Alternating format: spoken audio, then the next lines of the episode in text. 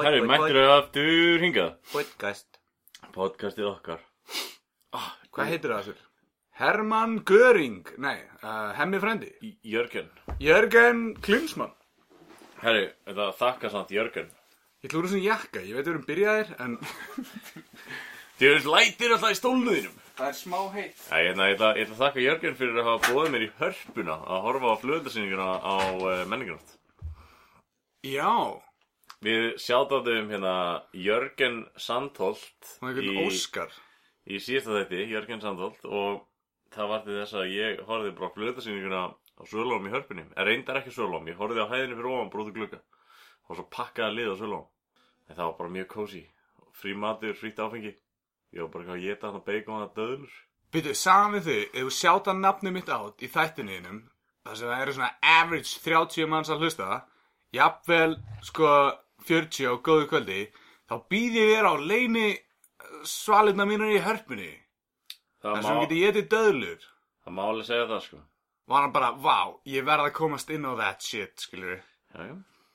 Ok, sko, þetta hljómar eins og fundið upp nafn. Það heitir engin Jörgen í dag, sko.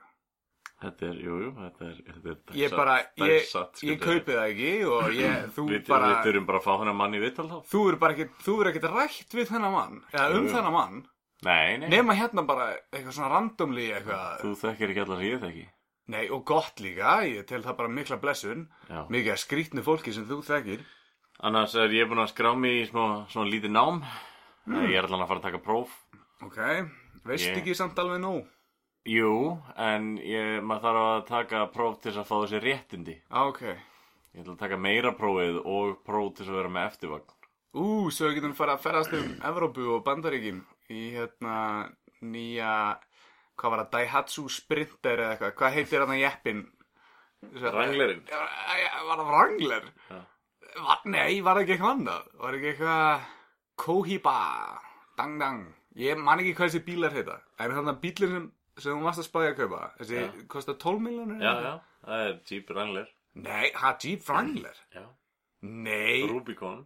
Já, Rubicon. Þarna kom nafnið sem ég var að leita á, sko. Já, já. En ef einhverju af þessum, þessum fólki sem er, að, hérna, er þarna úti að hlusta á okkur og langar að hjálpa mér að láta draumin rætast, þá er ég með tvo drauma. Og það er sem sagt að, verða svona kall eins og, eins og kallanir í, í Top Gear þegar þeir farið svona ferðalög. Eiga svona tvo vini og maður ferða saman á gömlum bílum, maður að gera við og fara í ævintýri. Í leðurjakka og að missa hárið. Já, já, og bara eitthvað að hlæja og hafa gaman á lífinu.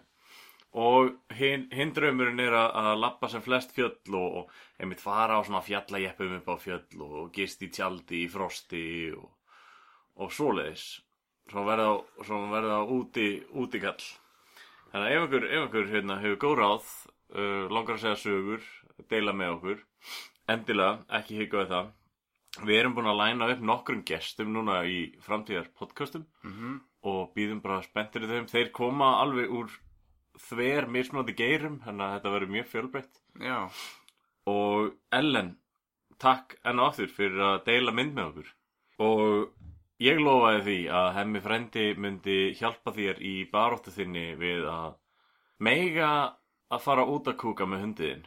Og ég kynnti með málið aðeins, ég er ekki komin að 100% niðurstöðu, Nei, nei. en mér langar samt að deila með að þú mátt fara út með hundiðin að kúka.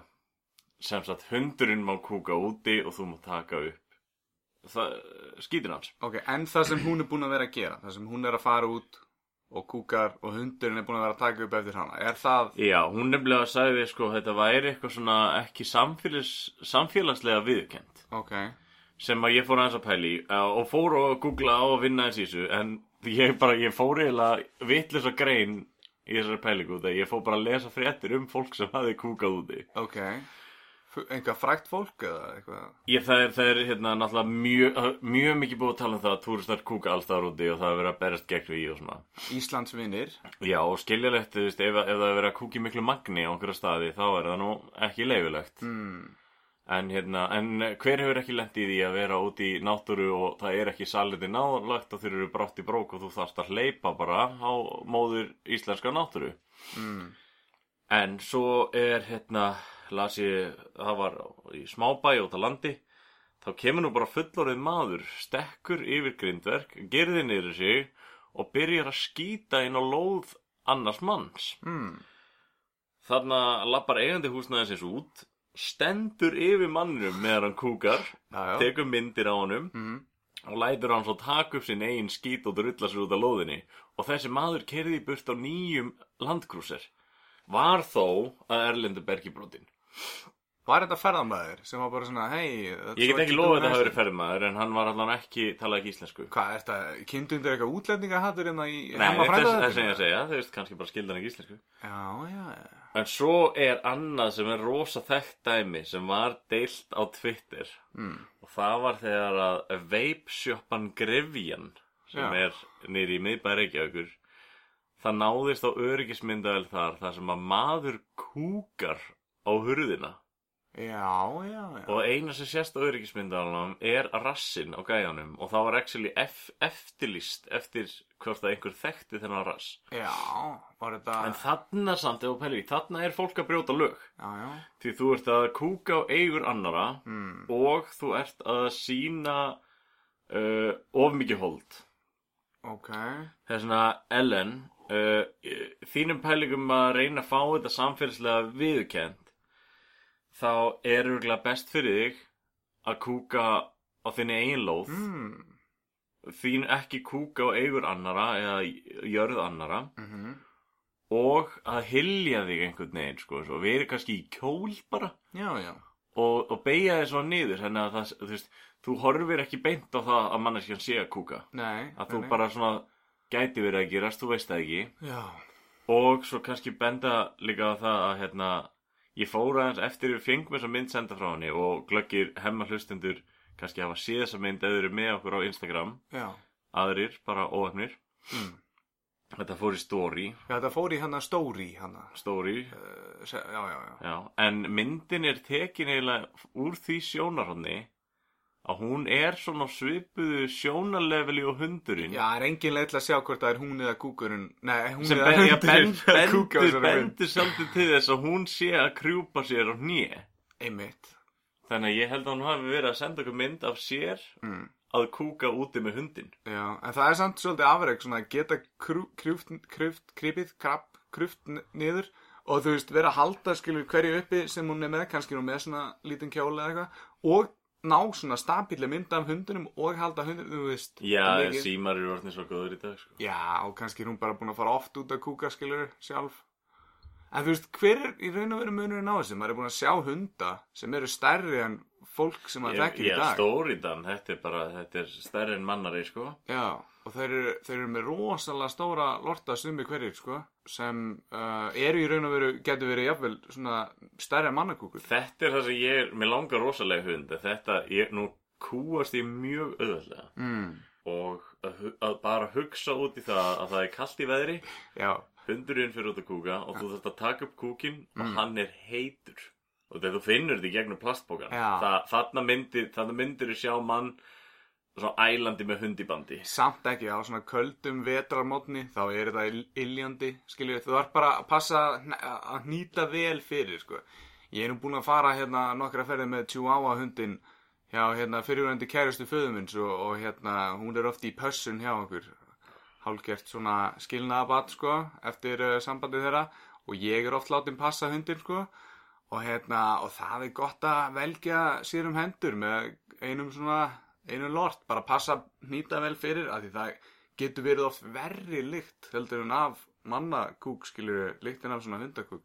Sérstaklega svona li litlu mexikansku maður veit ekkert hvað þessi litlu mexikansku eru búin að vera að geta yfir vikuna sko. En er, er, er þekkt sko að hundar kúki inni? Já, já, ég hef alveg átt hérna, hef verið með hérna, hund í, hérna, pössun sem var með bullandi niðurgang. Ég fó með hann sko út, út að hérna kúka. Það var enda rigning og hann var svona að þefa sig um og eitthvað og ég veit ekki hvað ég var búin að standa með hann lengi hérna, hann var bara eitthvað að reyna mig og eitthvað. Og það gekk ekkert hjá, hjá greiðinu og, og hérna svo fórum við inn og ég, ég hleyp alveg inn og, og, og hérna ég man ekki hvað ég gerði en ég kíkti inn í stofu eftir bara svona kortir og þá var hann búin að sko ræpa á einn partin á teppinu, þetta á teppi sko og var svona einhvern veginn búin að skeina sér meðfram stofuborinu og, og aðeins svona smá ellbeigja og þar var annar kúkur bara, þá var hann búin að taka bara svona bara hringin í kringum stofuborðið sko. Þannig að hann var eitthvað veikur í malanum greið sko. og þá var ég einmitt að svona second hand passa hund líka. Þá var bróður minn búin að taka það sér að passa hundin en ég var einhvern veginn settur yfir hundapössunni við ég er alltaf svona tekin svona sem verktaki í svona hundapössun hjá einhverjum aðila sem er svona já ekkert mál ég skal taka hundin og passa hann og hérna hvað, bara fara með hundur út á svalir og kúka það? Nei, ég fór actually með hann út, sko. En hérna, en hérna, já, uh, ég, ég veit ekki nákvæmlega hvað þú ert að tala um. Viltu ekki bara segja það? Það er kannski betra að þú segir bara hvað þú ert að hugsa, Einar. Ég var ekkert að hugsa þessi Nei, nei, Ég alltaf. vil bara samt að, hemma hlustendur hjálpa okkur kannski ég, Mér langar til að finna þessa klausu í lögum einhvers staðar Já, já. Það, það er náttúrulega bannað að vera nakin og almannafæri Mm. En uh, er actually klausa það sem bannar fólki að skila úrgang Já, bara full klættur. Já, já. Gera þarfir sko, sínar. já, sko mættur það til dæmis uh, Skýta í þig og hrist einn út úr skálmina Já, ég veit það ekki, sko. Nei En uh, þessi vika samt bara búin að vera nokkuð góð sko Mm. Ég er búin að vera svolítið duglegur í þessi átaki búin að fara í fjallgöngu og synda nokkra kílómetra og Hvernig mataræði búið að vera? það er nefnilega búin að vera mjög gott Ok. Við erum, erum bara að elda mikið heima og það er léttari kanturum og... Ertu búið með chiliið? Já, já, já, en ég, ég tók svolítið óhallan dag í kvöld Mm. og, eða kvöldmaturinn í kvöld og það ég var bara eitthvað einn að þvælast og ég, einhvern veginn klukkan sex þá fannst mér eins og þú værir á leiðin í bæin en, og ég ætlaði að fara í sund en svo það var svona, svo stutt í hann komi og laðist yfir sofa og breyttist í haug og ég átt bara einhverjar, einhverjar núðlusúpu sko Já. það er svona óhaldast það sem ég fengi mér sko Já, sko, að því að gesturinn okkar sem er að fara að koma þetta á eftir bóðaði sig eftir klukkan nýju nú Já. er þetta frekar seint fyrir svona gamlan mannin sem mig, skilur venlega er ég komin í háttinn og svona þannig að það er skiljanlegt að þú helst að ég væri komin að snemma. En ég þurfti náttúrulega að leggja mig, sko.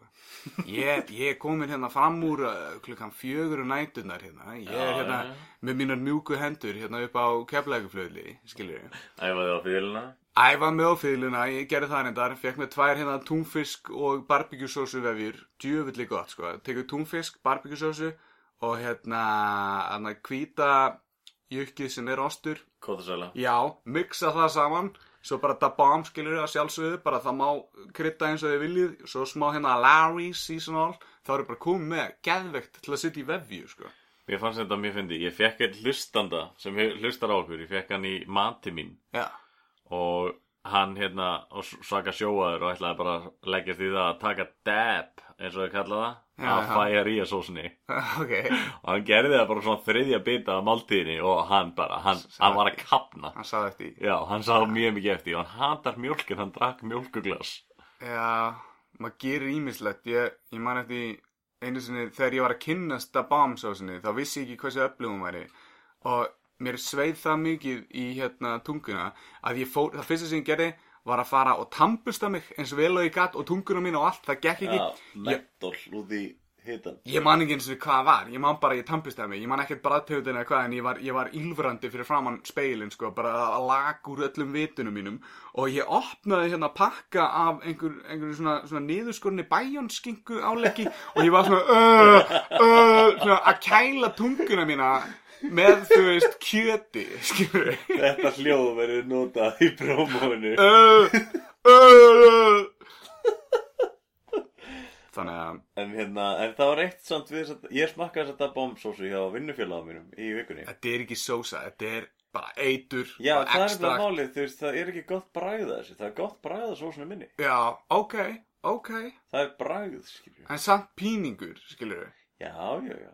Ég, það er ekkert endilega sem ég er að leita af, sko. Ég er að leita þessum, þessari, þessari gráu línu á milli æj, æj, æj, æj, æj og, og svona ú, ú, ú, ú, ú. Ég skilju. Þú veist, ekki allt of slæmt, þetta á ekki að eyðilega máltíðina fyrir mér, skiljum við. En þetta á að vera nógu mikið, þannig að heilin losar endorfín og, og svona þessi litlu gleðigjafana mm. sem ég veit að er. Ég skilji, ég skilji. Þannig að, Já, annars er ég líka búin að vera duglegur í jókanu bara.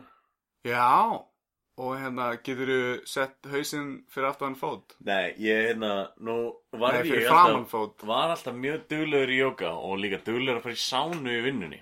Ok. En núna alltaf eftir að við fluttum fyrirtæki þá var ég ennþá að býða eftir sánu kljóðanum mínum. Mhm. Og búin að detta eins úr jóka. Og núna því ég var að byrja í þessi jó- jóka átaki, ég er bara spýtugall, sko. Ok. Og það er, það er svo förðulegt, við, við erum komnir á þennan aldur þar sem maður sér mann rörna svo hratt Já, ef þú heldur er ekki við. já, já. Og ég var einmitt bara ekki að ég var ekki að duglegur í jóka, ég er alltaf liður. Þú ert að tala um mann sem kemst valla í hægri sokkin sinn, sko. Ég, það er bílað, ég fæ stundum, sko, krampa í magan bara við það að fara í hægri sokkin minn. Þetta er Tinder-profilin, er að leita af lífsfyrir neytis að hjálpa mér í sokkana. En aðeins hægri sokkin. Uh, strákurinn er liður enn, hann kemst í vinstri sokkin. Já, þannig ég, ég, ég man, það er eitthvað sem segir mér, ég man eftir einhverju svona græju, þar sem það var svona, einhver svona, einhver svona plastgæi, þar sem hún svona preppaðir sokkin upp á og svo settir þetta á fóti. Þetta, já, þetta er fyrir eldgamalt fólk. Já, og Eða, fólk sem er sko, slæmt í meðminni, Eða fólk skilur sem er, þú veist, lamað og svona. Já, en þú veist, ég er með svo sérstakt case, það, ég veit ekki, það veit enginn eins og hvað það heitir. Þetta er bara, þú veist, brjósklós á hægri fæti sem vill svo til að fóturinn er búinn að detta eins inn í mjöðmina. Skilur hvað heitir það? það, það þetta heitir ekkert, það er ekki til eitt læknisfæræðilegt heiti fyrir þetta. Og þú kemst ekki í hægri sokkin, eða átt erfitt með það. Mm. En talandi um það að vera hrörna og svona slæmur, þá hérna, Lífið, það er bara lífið, sko. Arnar tók marathon. Já, Arnar Haugsson, leikarafinn okkar, mhm, hann hefur nú ekki hlupið mikið, hann æfði þessi svolítið svona fyrir þetta og Já. hann hljóp heilt marathon. mhm. Ég er þetta sprakk úr látrið þegar ég sá myndina. Það var sem hann var með, fristipóka á njánum á sér. En hann sagði sko, hann gerði byrjandamistök sem allir gera í marathoni. Hann byrjaði ofrætt. Já. Svo var bara, þú veist, það var eitthvað svona rosalega lítil asísk kona sem tók fram úr honum og hann var svona, ó nei, ég er að missa móðinn. Og Ok. ætlaði ekki þetta ná henni. Ok, en það var bara, vilja styrkurinn var þar. Já, en líka minn var bara eitthvað, hvað, heldur að hausinn að komast það undan mér? Já, og líka minn hans bannaði honum að fara hraðar. Og hann var bara, hann sagði að lappirnar hefði bara verið orða gummi, skilju en hann held áfram og hann, hann, hann kláraði en ég býst við að hann ætla að reyna að ná svo betri tíma bara næst já. en hann er náttúrulega, ég er ógstlega stoltur á hann mér finnst þetta fárlega flott En þú, en þú veist, hvernig datt hann um í huga hann var í sambarilega góður henni? Var það bara því hún var kona eða eitthvað? Ég held að konur séu ángríns í svona long endurance hlaupum. Ég held að séu eitthvað svona genalega betur en kallmenn, skilur. Ég held að gellan sem á heimsmetið að, þú veist, er með eitthvað hraðast á tíman í einhverju lengsta hlaup í heimi eða eitthvað. Ég held að hún var eitthvað 14 tímum á undan, þú veist, gæjanum fyrir aftan hana, eða gælur eða eitthvað. en þú veist, þetta er samt svo magna er að, veist, ég held að það hafi verið út af því að hann veist, hún svona bara lullaði fram úr og var að taka þetta svona léttleikanum Já, og hann hefur verið eitthvað svona, þú veist, ör- ég, ég, ætla, ég ætla núna bara að komast inn í hausin hans Arnars og hann hefur verið eitthvað svona oh, hún er bara eitthvað á léttinótan og ég er að, ég er að bomba fram úr henni og sína henni þetta, eða eitthvað oh svona my god. En skemmtilegt Íslandsmet sem við langar tengt hlaupi, það er hérna laugavegs hlaupið. Mhm.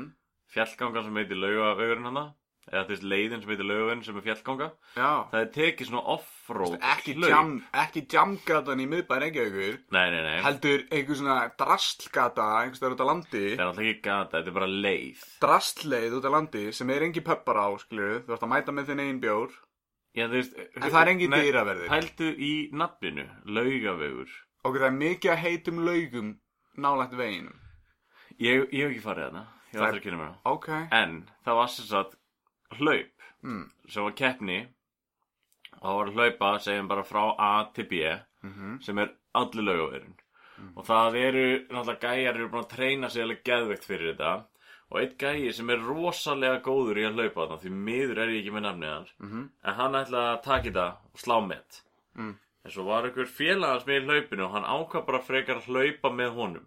Ah, þeir hlaupa frá A til B Ja. á nokkuð góðum tíma. Ok, en þessi öflugi gæi hann er ekki alveg nóg sáttur. Já. þannig að hann hljóp tilbaka strax og hann lendi á B og sló Íslandsmetið þá. Uh, hve- en hvernig, Þetta er eins og Arnar hefði hlaupið marathón og er eitthvað svona, hæri, komið í mark. Þetta er ekki nógu góðu tími. Og Já. ákveða að hlaupa tilbaka til þess að reyna að ná metri, betri tíma. Og actually tekist það og slegið Íslandsmet. Ok, en ég meina Íslandsmet í eitthvað laugarvegslaupinu sem enginn hefur heyrt um. Jú, þetta er, þetta er er bara svona, þetta er svona, um svona þetta. Iron Man, skilur við Nei. Jú, Sko, Iron Man, er það ekki hægt bara hvar sem er, svo lengi sem þú ert með ákveðin langar hlaupabraut, ákveðin langar hjólabraut, ákveðin langar ég sundkappa. ég er að segja samt, veist, þetta er, þetta er off-road hlaup, þetta er brjálaði, sko Veitu, var þetta Iron Man, þetta laugarvegslaup? Nei, nei, nei, það var ekki sund og ekki hjólegar en þetta er svakalega langt hlaup Ok, Ég, bara, ég er ekki búin að opna tölva mína annars geti ég sé hvað þetta er langt Nei, ekki opna hana og kemur svona Segðu bara hlustendum hérna hvað er að fara að gerast núna setna í, í þættirum á meðan ég, ég Já, en það kemur svona vú, og við gerðum hann að noise cancel hljóðið Þú þarna. ert búin að gera þetta hljóðu núna þrísasunum Vú, Já, já, en, en skilur, ok, ok Það uh, er kveikt á henni, það kom ekki neitt hljóð á, Ok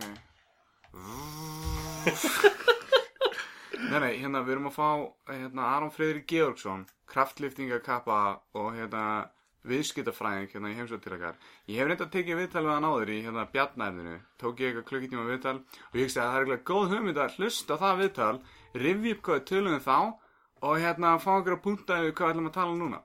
En ég fór heim, æði mig á fiðluna og lagði mig Þannig að við, við erum ekki með neitt tilbúið fyrir Aron. Við ætlum bara að lefa hann að kominga Og hver veit, kannski ætlar hann að segja okkur einhverja sniðuða sögur Já, manstu af hverju við vildum fá hann í viðtal? Já, við vorum að tala um bíla og, og kraftliftingamenn Eða eitthvað, bíla og strongman. Já. Og hérna, hver annar betri? Þú veist, þið getur talað um bíla Við getum talað um strongman Og, og hver veit, kannski erum við með viðskiptafræði spurningar líka. Sko, ef þú, ef þú ferð þetta, ef þú ferð svona túrista leiðina að þessu laugaveg Veistu hvað það tekur langan tíma? það tekur Það tekur 2 klukkutíma og 37 mínútur. Það tekur fimm daga. Bjarni.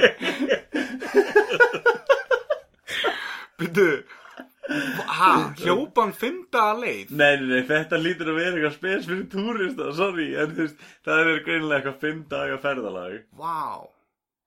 Við, við, við erum bara hlustendur, við með þetta í beinni hérna.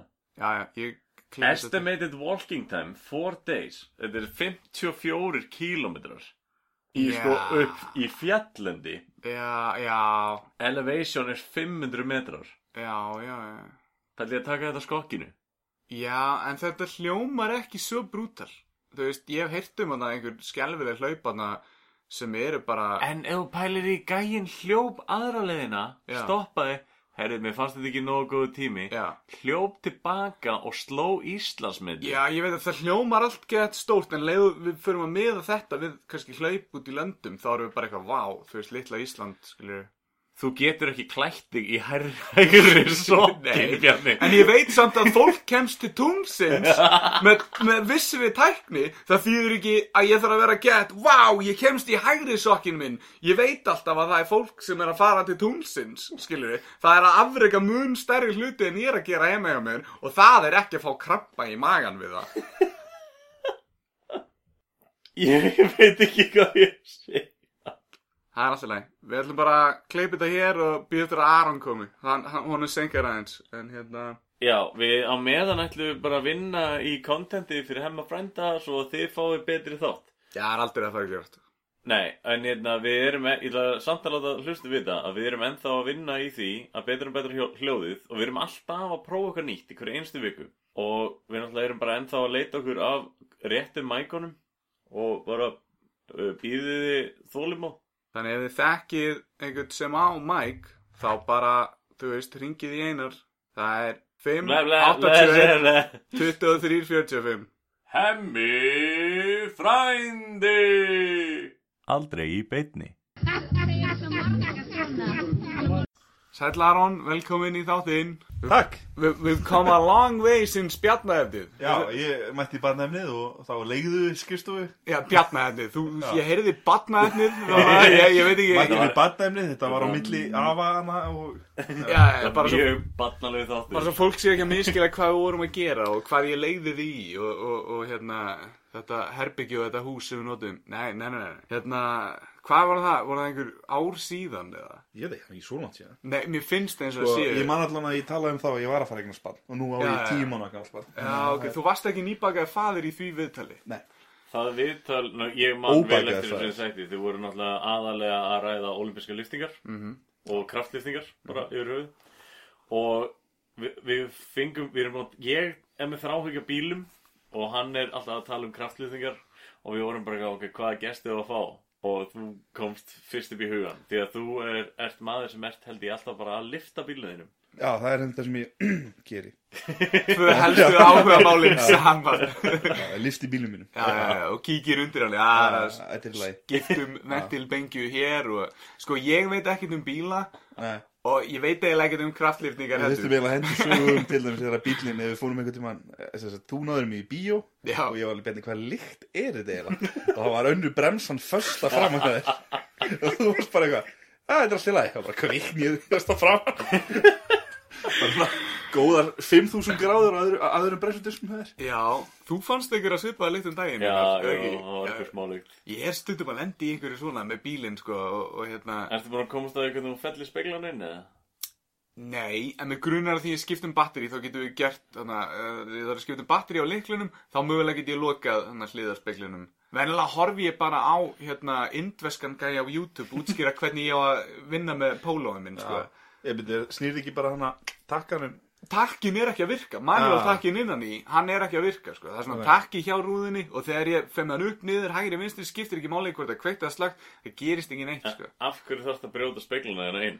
Af því ég nenni ekki að þrýfa bílinn manuáli, ég vil fara með henni svona bílaþóttastöð og ég vil ekki að bílaþóttastöðin einðilegi gluggana því að stendur ekki að tökum ekki ábyrð á gluggum eða eitthvað svona, Já, hliðarspeglum, meina Já, ég. en ég held að þú ítið þeim bara einn sko Ég efast um að það sé Ég þórið ekki, af því að þegar maður, ég vill ekki, síðast þegar ég beitti valdi til að loka ramastæki, þá, þá eiðilaði það og fekk ekki endurgreitt frá, frá Elko. Það var hérna myndavill áður en, áður en snjálfsímandi komni. komni. Ég ætla samt reyndar að benda á það, þú veist, núna eins og með Volvoa minn, ég er að berjast í það að ná sko draug af hérna ljósunum. Sérst, þau eru orðin mött. Já, Og það er, ég er búin að fá útskýringu af því, ég er náttúrulega átt þennan bíl ekki fyrst. Og það er út af því að fólk er að fara með bílana í svona, hvað heitir þetta, uh, drive-thru hérna, þegar þá eru ljósin heitt, plast er heitt og þeir eru að dæla náttúrulega tjörur hreins og svona dót og það steikist í hitanum og festist í plastinu. ok Ég hef aldrei farið í svona Verið ég- að játa sko. En uh, getur bara að nota tannkrem? Það Já, er, ég- eða bara einhver massa? Ég er náttúrulega bara búin að djöfna massa á þessu. Sjómar er svo eitthvað gott hús frá, svona, frá bílagæðanum. Sko- Nota tangrem er náttúrulega bara massi sko. En bara matur ok. svolítið, Já, Já, en alvöru massi er örgulega betur en tannkrem sko Þetta er bara svona, það eiga allir tannkrem en það eiga ekki allir massa Við séum að vera hérna, þjóðflokkar í Afríku sem nota hestahár, brent hestahár til að þeim með tannbyrstu sig. Svona eins og tangrem. svona. Það er náttúrulega bara örgulega askan í hérna, brenn, brennunni, sko, sem að virka sem massi. Tannkrem er bara massi, þú ert bara að slípa glerjunginu upp smá, sko. Ok. Þú getur þess að nota bara kól til að Er það ekki, það er til, er það ekki svona eitthvað svona kvítunardæmi, eitthvað activated charcoal dæmi. Svona svart hérna tannkrem. Hljómar eins og að það eigi að virka einmitt öfugt að tennið það að verða svartar og skýtaður eftir það en gera Þetta er eitthvað svona algjört áhrifalda dæmi. Þú notar þetta, alveg, þetta virkar stúbid en síðan virkar það svipað annað tannkrem en það er dýrara. Já, Já, já. þú sérði eitthvað af þessum áhrifavöldum eins og við, við erum til dæmis áhrifavaldar. Við þurfum að lesa upp smá bref til neytendastofu í síðasta þetti og hérna þá vorum við einmitt að tilkynna samstarf okkar við Taco Bless og KFC og aðra staði Vi, við minnumst ofta á hérna Pepsi Max og ölgerðina sko. ég rópa svolítið í þættinum og einar er reynda að byrja að gera það líka þannig að það er gott að hafa þetta allt upp á borðum sko. Skildi hver veit hvernig við náum á, áheyrenda fjölda yfir 100 manns þá þurfum við að vera á tánum þegar neytendastofa bankar sko. Já, ég skildi Vita hinn er að þið séu að sponsa ykkur eða Takk og bless veit það. Ok. þeir, þeir, Við náðum þeim á grunnstígi Þannig að þeir vita það. Elli verður alveg til í allt sko. Já, já, já. Hann var já, Hann þetta fekk líka gott komið samstarf. þátt inn og svo. Jú, jú, jú, hann reyndi að við lærðum okkar leksíu þá. Þá vorum við með smá dósarhljóð að því við vorum með þessu ránd á þessum sockmæk hérna, sem við, við erum að tala í. Já. leðum að stillir á hérna two-way sound og þú ert komið með þriðja mækin, eða annan mækin skiljur þá heyrist miklu betur. Eins og ég heyrið, kæri hlustundur, hlusti á tandur reyna hljóðið sem þið heyrið hérna Mér er samt bara magna að þú veist Allan hann tíma sem að Bjarni hefur verið með Bjarnaefnið og núna er þetta komið í hvað á 19. þátt hemmafrönda Mhm. Það er ennþá sami Jack and Jones sokkur á mæknum. Það er ekkert svona þú veist, Þetta er ekkert- yndislega homemade löst, sko. Já, Já, þú veist, vera með öllasokka eitthvað svona, þú veist, eitthvað svona pínu fílingur í. Nei, nei, þetta er svo geðveikt tegður Jack and Jones sokkur. Já, þetta, þetta svín virkar og þetta verður svona í svona hillun okkar þegar við verðum konum með stóran fjölmiðil hérna í framtíðinu skiljur þetta byrja allt með soknum Já, inn í glérskap, bótið. Já, já, inn í svona glirskap og, og hérna, verður margra miljóna króna virði. Eða evru, hver veit hvað gerist í framtíðinni hérna á Íslandi? En Hver hvað, hérna, hvað ert þú að bralla þetta? Er ég er fæðingrúli? Það er það sem ég er að bralla. Annars, Bara pappast já, annars uh, var ég að vinna í fyrirtæki sem heitir Stík EF og Stík EF saminæðist öðru fyrirtæki sem heitir Klappir. Já, og Klappir framleiðir hugbúna Mm. sem er til að fylgjast með kólminsfótspori fyrirtækis. Þannig að þú getur uh, sjálfkrafa tekur inn uh, úst, eða þú ert að taka bensín eða eða þú ert að, að hérna, eða fólk er að fara í flughjöður eða hvort það nota mikið af vatni eða, eða hvað er mikið af rusli hirt hjá þér Já, og sjálfkrafa reiknar út kólmisfótspor fyrirtækisins? Er þetta allt í mínus? Er þetta allt bara fótspor eða er eitthvað sem fyrirtækin geta gert til að svona... fyll upp í þú spori getur náttúrulega að fara í eitthvað svona kolvið eða eitthvað svoleiðis sem að er hérna uh, þá fara að planta trjám fyrir þig sko. Er það ekki það sem Ólís er að gera nú? Ég er nefnilega skil ekki alveg það koncept sem er í gangi eitthvað Taktu bensín og Ólís og þeir kólefnis í afna fótspori já, það eru örugglega eitthvað gæi eitthvað staðar austur á landi að henda í einni já, niður eða eitthvað, sko. Já, það er eitthvað, þú, þú, bor, þú veist, það verður tekið vist mikið af peningum heldur sem þú dælir í bensín Já, og fyrirtækið mætir Ólís og það er nýtt eitthvað gróðið af því til þess að planta niður Já, er, eitthvað er það nóg bara? Þú veist, þú veist, segjum við þetta að fara í flug, borgar einhvern sexhús kalla aukalega eða eitthvað til að kólefni sjálfnum flugið. Er þá þessi peningur að fara bara í einhvern sjóð eða er hann að fara beint bara í tvö, tre, einhver stað?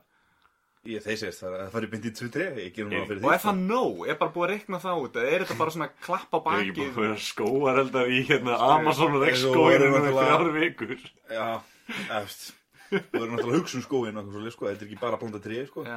en, en hérna, ég veit Ég er ekki sérfræðingur, ég er sérfræðingur áhættumætti Það er í rauninni það sem að ég kem inn í fyrirtæki ég- þess að það vantaði áhættumats hæfi líka Ok. inn í hugbúna þeirra Og eru mörg fyrirtæki svona, herru, sjáum hvað við erum að stíga mörg kólefnisfótspor. Já, þetta er, þetta er alveg mikilvægt núna sérstaklega ef að hérna og ég vonandi að það er ekki múnt bókast sérstaklega ef, að- ef, að- það á að vera fjárfyrsta í fyrirtækinu þínu Aha. þá er gott að þessi fylgst með svona hlutum sko, því að það er hérna segjum eitthvað fjárfyrsta í, í hérna ég veit ekki, tökum eitthvað fyrirtæki bara Skeljungur. skeljungur, já, alltaf fjárfyrsta í skeljungi Mhm. og hérna teka fram í tengst ekkert skeljungi eða veit neitt um þegar Nei, það var bara, mér datt þetta í hug, ég veit ekki ekkur. en hérna fjárfyrsti þeim og tökum sem dæmi að, að, að þá skoðar ekki bara hvað kom, kemur inn af peningum, hvað fyrir út af peningum því að það er áhætta líka í því að fyrirtæki sé kannski að hella bensín út í eitthvað á Ah, ok. Mm. það getur alveg haft. Já, já, ég meina, getur tekið sem dæmi að Tesla í bandaríkjunum sem er svona the new kid on the block Mm. í, í, í hérna bílaðinaðinu Mm. það er hérna ein versminn að þeim ætla að- stopna hérna verkefælisfélag starfsmennin ætla að stopna verkefælisfélag og þeir hótuðu að reyka alla. Áður en að það myndi gerast þannig að það myndi bara reyka alla starfsmenn og ráða bara nýja starfsmenn já. sem er svona, Hvað mögulega geti komist eitthvað upp sem var að gerast þar? eða? nei nei, veist, það var bara að hafa meira betra bargaining power yfir fyrirtækinu sko já, og, já, já. og, og bandaríkin sem sagt, uh, Ronald Reagan einhvern tíma fóru allir flumverðarstjór á okkur svæði í, í hérna í bandaríkjunum í, í verkfall og Ronald Reagan lit bara reykað alla og, og, þá í rauninni var tótin settur í bandaríkjunum að verkefælisfélög í rauninni eru svolítið valdlaus sko. Já, hafa engan kraft. Nei, Nei, já. en það er til dæmis ég myndi segja að það auki svolis umdal, það lekkar virði á hlutabrifum fyrirtækisins. Alveg, já, þannig já, að það býr til áhættu að þú leifir ekki. Já, já, já. Það, það hljóma bara rosalega gruggugt, skilur við Já, já, veit og, bara svona orðurómur lækkar strax, sko. Já, já, og það er svona dæmið með þetta ef það kemur upp að ég veit ekki að þú sést, ég meina segjum sem framleiðir lífrand græmiti eða eitthvað svo leis Mm. og sem kemur ljós að, að, hérna fóstjórn á fyrirtækinu flýgur daglega frá öðru landi í vinnuna, Skrullast um á skemmtur að skipi, bara með svörstum reik og- já. þá er það náttúrulega þá er það náttúrulega mjög veist, slæmt, sko, og það hefur í Já, Þannig að þú vilt, það er líka bara, þetta er gott PR fyrir fyrirtæki, segja þú sérst að fylgjast. Sola og grænum kosti væri bara hérna á gömlum Defender bara Gæ- Gætu, ge- getið þið gefið svona gæðastempil eða eitthvað slíkt? Nei, það eru önnur fyrirtæki sem að gefa út En taka þau marka á ykkar niðurstöðum? Uh, okkar hugbúnaður í rauninni leifið er að, að búið til skýslu sem Já. sýnir hvað það er. Ok, Ok. ok En ef þú vilt fá vottun, þá er í rauninni, vottun, vottun virka þannig að þú fær það óháðan þriðaðila sem er alveg, veist, hann tengist, Já, já, já þú veist, hann er alveg þriðaðila. Það var ekki keift inn þessi þjónustu eða neitt þannig veist, ég meina, þú borgar honum fyrir að Já, framkvæma ok, úttekt, ok. vissulega, en hann fær ekki borga frá sem sagt, okkur eða eitthvað, en, en, en, en Nei. hann líka, hann á ekki að hafa hann í tengsl, veist, hans hagsmunatengsl eiga ekki að vera við fyrirtæki, sko, þannig að, ég meina, hann á ekki að vera undir sem sagt, fyrirtækinu komið hvort að hann fái borgað eða ekki, eða hvernig ég get orðað þetta, fél. Hann hættir ekkert að fá laun ef hann skilur Já, já, skýrslu um að allt Hann skilur slæmur í skýrslu þá fær hann ekki minna borgað, Nei, skilur nei, Hann fær alltaf bara hann tekur bara einu úttekt og ég meina ef þau eru rosalega ósvöldum með hann þá fáður hann ekki eftir. En ef hann tekur fyrirtæki í gegn og kemur með góð ráð sem er úst, út þetta maður ætti svona oftast að gera hann segir svona er ja, þú veist ég segi hérna að þið eru að veita einni bensinstöðinni bara út í á. Þú þú öllu, þú skorpinu eða eitthvað svo það er ekki gott. Þú þá myndir það, já ok, hvað myndir þú gera frekar? Eða eitthvað svo Einmitt. Hvað myndir þið gera fyrir ykkur? Bara Já, við sliðina og bara ekki út í annað, bara eitthvað Þú annað. bara í alvegnu, teimdu þið bara í einu skorpkerfi. Bara, Er, er, ertu með ykkur að pointera fyrir hemma frænda? Nú tökum við upp einu sinni í viku cirka. En ég þarf alltaf að keira brautin alltaf komika. Þannig að ég er basically þessi fórstjóri sem flýgur hvern einasta dag. Sko. Ég þarf að ég fyrir brautina fyrir hverja einustu upptöku sem er basically svona klukkutíma af efni. Þú veist. Þú ert að senda mig til bandaríkina að ná í, sko, í mikrofóna Vá, já, þú er hinn fórstjóri. Greta Thunberg myndur örugglega segja eitthvað við þessu sko Já, Greta. Já, við þurfum að fá hann í þáttinn, sko.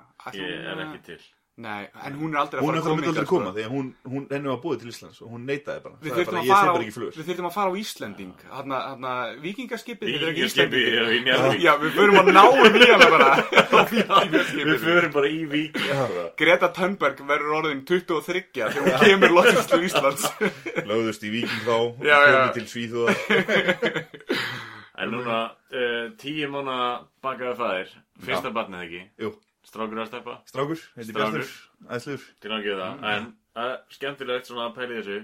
Einhvern tímann mögulega mun sonuðin hlusta á hana þátt. Já. Áttu ykkur að finna sögu á honum.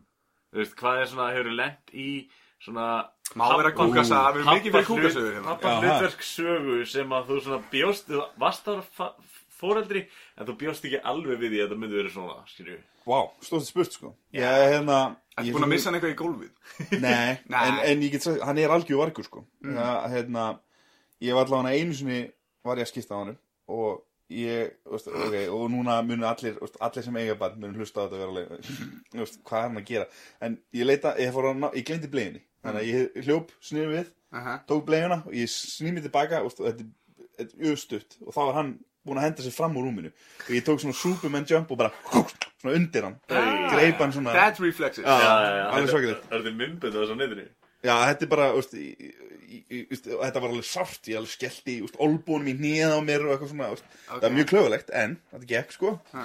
en, ég veit ekki, hann er, hann er náttúrulega svo lítill en þá, en, Ég ætla að, ef ég að segja, það var eitt sem ég hugsaði um að vera sonu þinn sagt, þe- þessi strákur er sonu þinn og að vera hann í framtíðinni þú veist, börn taka stundum hérna pappi minn er sterkar en pappi þinn hann, hann er ekki að fara að ljúga Nei, hann verður ekki verið bullshit, sko, það er Seen rétt, the sko. mountain eða eitthvað þú veist, Ah. það, það, það, það er því bara dagsatt já, Þú sprengir augnæða reglulega þegar ekki á æfingum bara. ekki reglulega kannski, en það kemur fyrir, sko, já.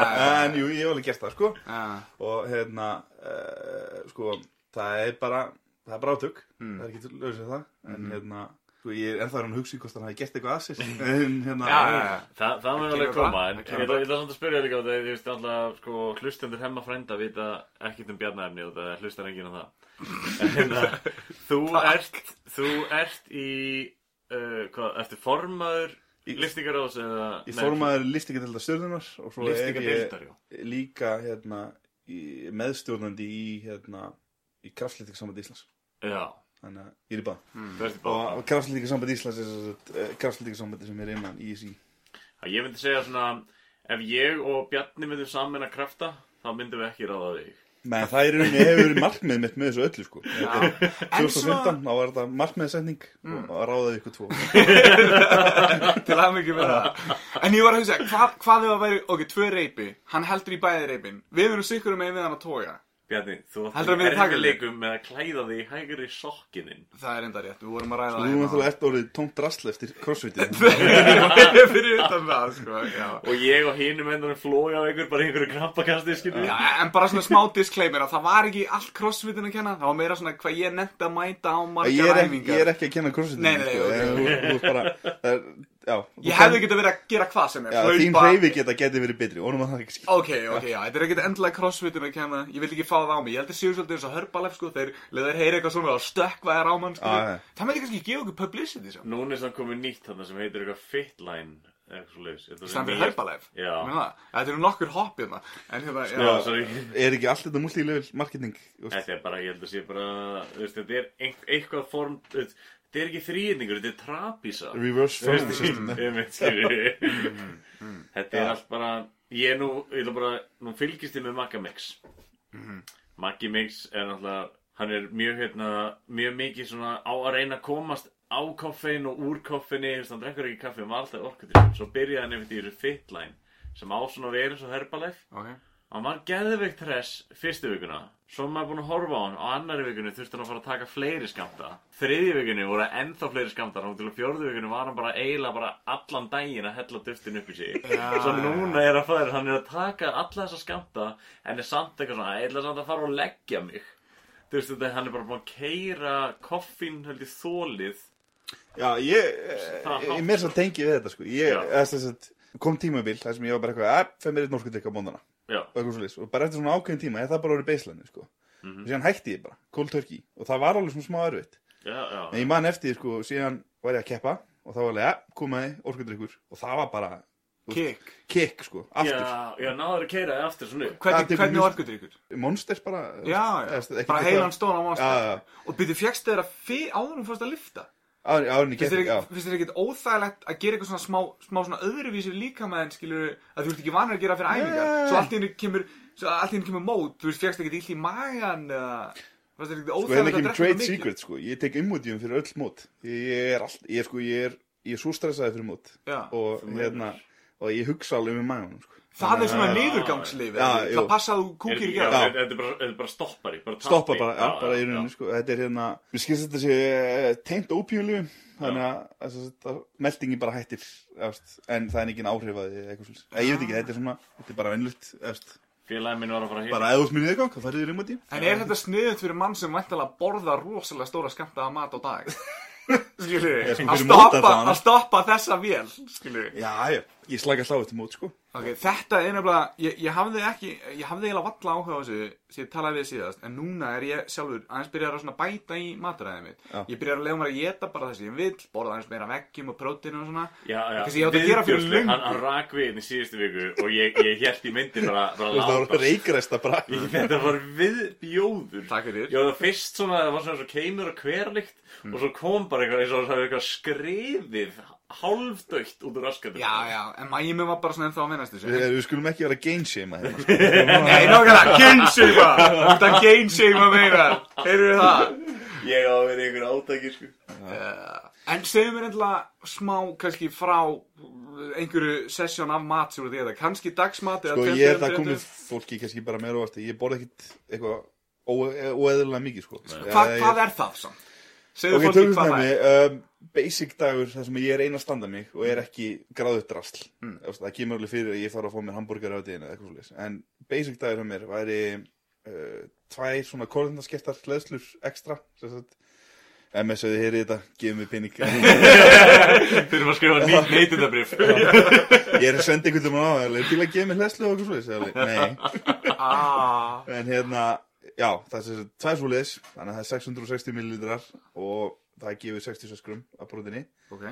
Og svo fæði mér eitthvað í hátteginu upp á síkasti það verið mjög vinsalt að fara á einn það er svona tveið fyrir einn í nóg það er eitt staði sem er mjög nált á vinnunum minni mm. eða bara í mötunuti sem Já, við höfum aðgangað og svo klukkan þrjú þá venjulega fæði mér tvær svona hesslur í uppbót fer á æfingu og svo borðaði kvöldmatt og kvöldmatturinn er bara ég, ég, átta að ég borða kannski stóra skamta eða eitthvað en, en hérna, úst, ég myndi kannski elda átta kjúklingalæri og borða fjúr og, og Mm. kærasta minn rest og, og súnu minn eitt læri eða eitthvað veist. Það þetta er samt bara vennilegt Þetta er bara rétt, Já. kannski, kannski rétt above average að því þú ert að fá svo mikið að hlæðslum, svona próteini Já, einu, sem ég spáði því er brúnum en síðan kom alveg dagar þessum að ég bara eitthvað fer í hambúrgara eh, í hátinu eða eitthvað svolítið svona, var þessi pítsur og eitthvað Já, svona svo, já. sko, pítsa er svo fljót að telja. Veist, það er bara óþólandi Mikið sko, kaloríur. Já, kaloríu bara og líka fitan sko, að hérna, þú veist, eitt gram af fitu er nýju kaloríur og versus eitt gram af kólefni er fjórar kaloríur. Þannig að það er rosa Vá. fljótt að telja Ok. fitan sko. En þú veist hvað, ertu með eitthvað líður mig bara illa yfir öllu mat sem við borða sem fættist Nei, nei, þetta er allt bara næring sko og þetta er bara kaloríur inn og kaloríur út og, ég svo sem fylgist með, ég má ekki verða ég keppi í, í þyngdafloknum mínus 120 kíló. Ég má ekki fara yfir, eftir, ég vill ekki fara yfir það. Nei, Þetta nei, að yfir það er pluss 120 kíló. Já, Já, það er bara, bara- komið bara jötuna einhverja sko. Já, bara gæði sem eru 100 og, já, 150, 60, 70 kíló, skilur og, og hérna, það er bara önnudild sem að ég, þú veist, líka bara, hérna, ég held bara að, þetta, ég, hérna, hvernig get orðað þetta? Það er nóg vesen eins og ég er að fá sér föt. Og ég, það eru bara nokkra tegundra gælabuxum sem ég get farið í, skilur, þannig að þessu þægilega er okkar, og það er alveg, því að, Ferð þú í hann að Dressmann XXL eða hvað Nei, sagði ekki svoleið, sko. Ég get alveg vestlað í, í, ég get vestlað í H&M ef ég er heppinn að lenda á alltaf stærstu stærðina svo sem, sko. Já, En, Sem er oftast til, reyndar Það er, það er, þú veist, maður finnur aldrei medium En maður finnur alltaf extra small og extra large já, já, einmitt. Er Já, samt svona. málið líka þegar maður er, þegar, eins og þú, þú er breyður, axlabreiður og svona, Já. að fara í XL, XXL, það er alltaf lengdir, þú veist, það er, það er kannski flíkin og svo síða, ermárna langar. Já, ég er, reyndar- ég er heppinn með það, ég er með svolítið langan búk og, Já. stu, og stuttar fætur sem ég gerir maður góðum í hnepi og ég ræðum það mér senna. Já, já. En, en, hérna, en sko, það er annað við það að það er eins og kaupir skýrtu sem er 2XL Já. ég kaup hana og hún passar utan um axlunum á mér hún er aðeins kannski, það er ekki með langan hendur og hún er kannski aðeins hérna löngi, eh, langar ermann á henni Já, já, já. en síðan er hún svo tjald utan um við miðan sko. Það er einmitt, uh, ég var einn besta vinkunum mér í klæðskeri Já.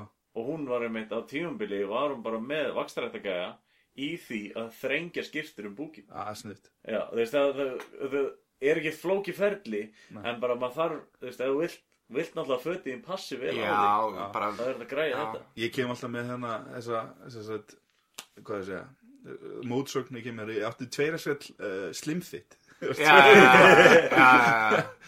En það var einhvern bara að hún er þá minni við búkin sko. Já, já, Samt sko líka bara eins og öll föt sem að fær, þú veist, ég vildi ekki minnast á Ísafja í þessu þætti, en þú veist, öll eitthvað allar skýrtunar sem færði frá, kannski virka vel hérna í kringum hálsinn alveg mjög snögg, svo þú kemur neðar, þá er það bara eins og tjald, sko. allt sjálf sko.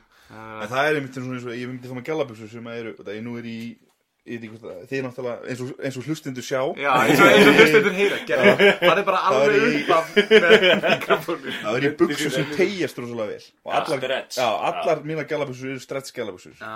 Og ástæðin fyrir því er að ef ég væri í bara beinu sniði, þá er ég með svo stór læri að það væri allt bootcut sem ég væri í. skilur. Já, það væri bara, já, já, já. það væri svona útvíðar, ef það myndi virka útvíðar. Og ég, En þér finnst ekki þægilegt að vera bara svona í stuppbuxum eins og kallinn, eða?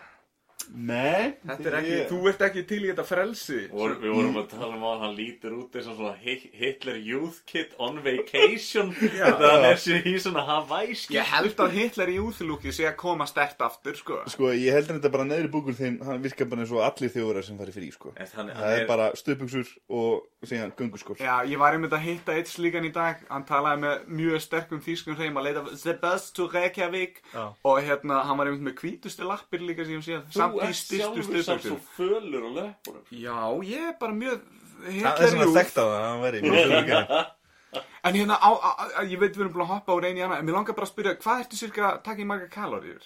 2788 held ég að appi mitt segi hérna. Kíkjum á Varst þetta. þú ekki að tala um að þú væri í 2500 eða eitthvað? Ég, ég er alltaf í kringum 2007-2008 þessa dagana, sko. En það eru þið líka Ég held að þú er meira svona í svona Þeir eru mjög 5000 svipað vaksnir 2784 Ég sést bara, ég er beefcake sko hérna, það er bara Já. þannig. En hérna, ég, já, ég er, ég er búin að vera, ég er búin að vinna með sko tvö egg og hérna havaragraut og, og, og bláber hérna á mótnana Mm. einhverja máltíð fyrir hátegismatinn svo er það hátegismaturinn og, og svo er það einhver önnur máltíð og svo er það kvöldmaturinn. Ég er búin að vera að vinna í, ég er búin að vera að horfa svolítið mikið á hérna svona strongman-vídeó, Brian Shaw, Eddie Hall og þessi Já. gæri að geta og þeir eru bara að vinna með 20 Það er náttúrulega menn sem 25 eru líka- kaloríur á dag Þeir eru konur í svona ákveðin vítamin sem að kannski gera þeim kleifta að Ok, ok, að innbyrða meira. Já, við erum, það að tala um óluleg vítamin hérna. En skilur samt þetta lítur að segja eitthvað. Þú veist, ég finn bara strax hellingsmuna mér Síðan ég byrja að leifa mér hvað sem er Já. Daglega í- Varandi orku. Þessum eru að lefa að tyggja oftur og svona Tyggjó Nei, hann er hættur í tyggja Hættur í tyggjónu Nýlega, já, ég, Aftur? ég er hættur að drekka Ég er hættur í tyggjónu Þú veist, ég er bara, ég er komin á ég er að, og, og ég er að prófa núna bara að geta bara þá til ég vera sattur og ef ég er svangur þá borða ég skilur, en, en þá í staðinn þá minnis svona cravings í svona nammi og svona ég var svolítið dottir í það því ég hætti í tyggjónu nefnilega Sko ég er, er Það er svo mikill nammikis inn í mér sko. Já. Þannig að ég er búin að, ég er búin að vera að passa það núna ég ekki nammi heima sko. Já, það er, það er stórhættilegt sko. Já en þú veist, ég segi þegar að út af því að núna vinnur sem sagt, kjærstan mín á hérna hún vinnur á spítalunum hún vinnur á kvöldvöktum og, og svona já, já Ég verið einn heima á kvöldin sko. Húf, Það er bara, pappi er að fara í, í, í ská, nammiskápin sko. Rúsinu og döðlur bara, hjálpa hægðinni og öllu. Ég, ég, ég er að þegar sigurþörun kemur Já, Þegar sigurþörun kemur þá þarftu ekki nema bara einn bita af dundrandi sigri Mhm. og þá ertu búin að kæfa hana niður í svolítið tíma. Og það þarf ekki nema kannski einn brjósugur en þú, þú færðir alltaf 15 skilur Já, já. en ef þú nærið að hemja þig í bara eina einan brjósugur láta hann bara matla hann í smá tíma Já. þá það allan dref mig. En við, ég er enda, ég ætla að vikina ég er akkurát á hinni blaðsínu ykkur. Ég er að leita af sko löngu þóli í samvæði við mína líkansætt það er langt þól, ég veit geta kert mig eins lengi og ég get. Á meðan þeir eru báðir, þú ert svona sprengikraftur Já. á meðan Bjarni er gammalmenni Já. Sko árið hvað 2011 eða eitthvað þegar ég byrjaði svona að- að hreyfa mig aftur, ég, veist, ég, var, ég var í körbólta ég var yngri Já. og síðan uh, hætti ég að hreyfa mig fitnaði svolítið bara út af því að og það kannski kemur að ég þarf ekki það mikið mat út af því ég náttúrulega get hugsað um hambúrgar og þingstum 2 kíló. Það er bara, ég verðist nýta fæður rosalega vel og það er bara, það er bara flott. Fara með hann að metnað í svona fátækari lönd. Já, Ertu búin að láta kanna ve- gæti verið hans í of hægur? Er ekki búin að ég- spyrja þessu áður? Nei, ég, held að, ég held að sé ekkit svoleiðis vandamál hann sko.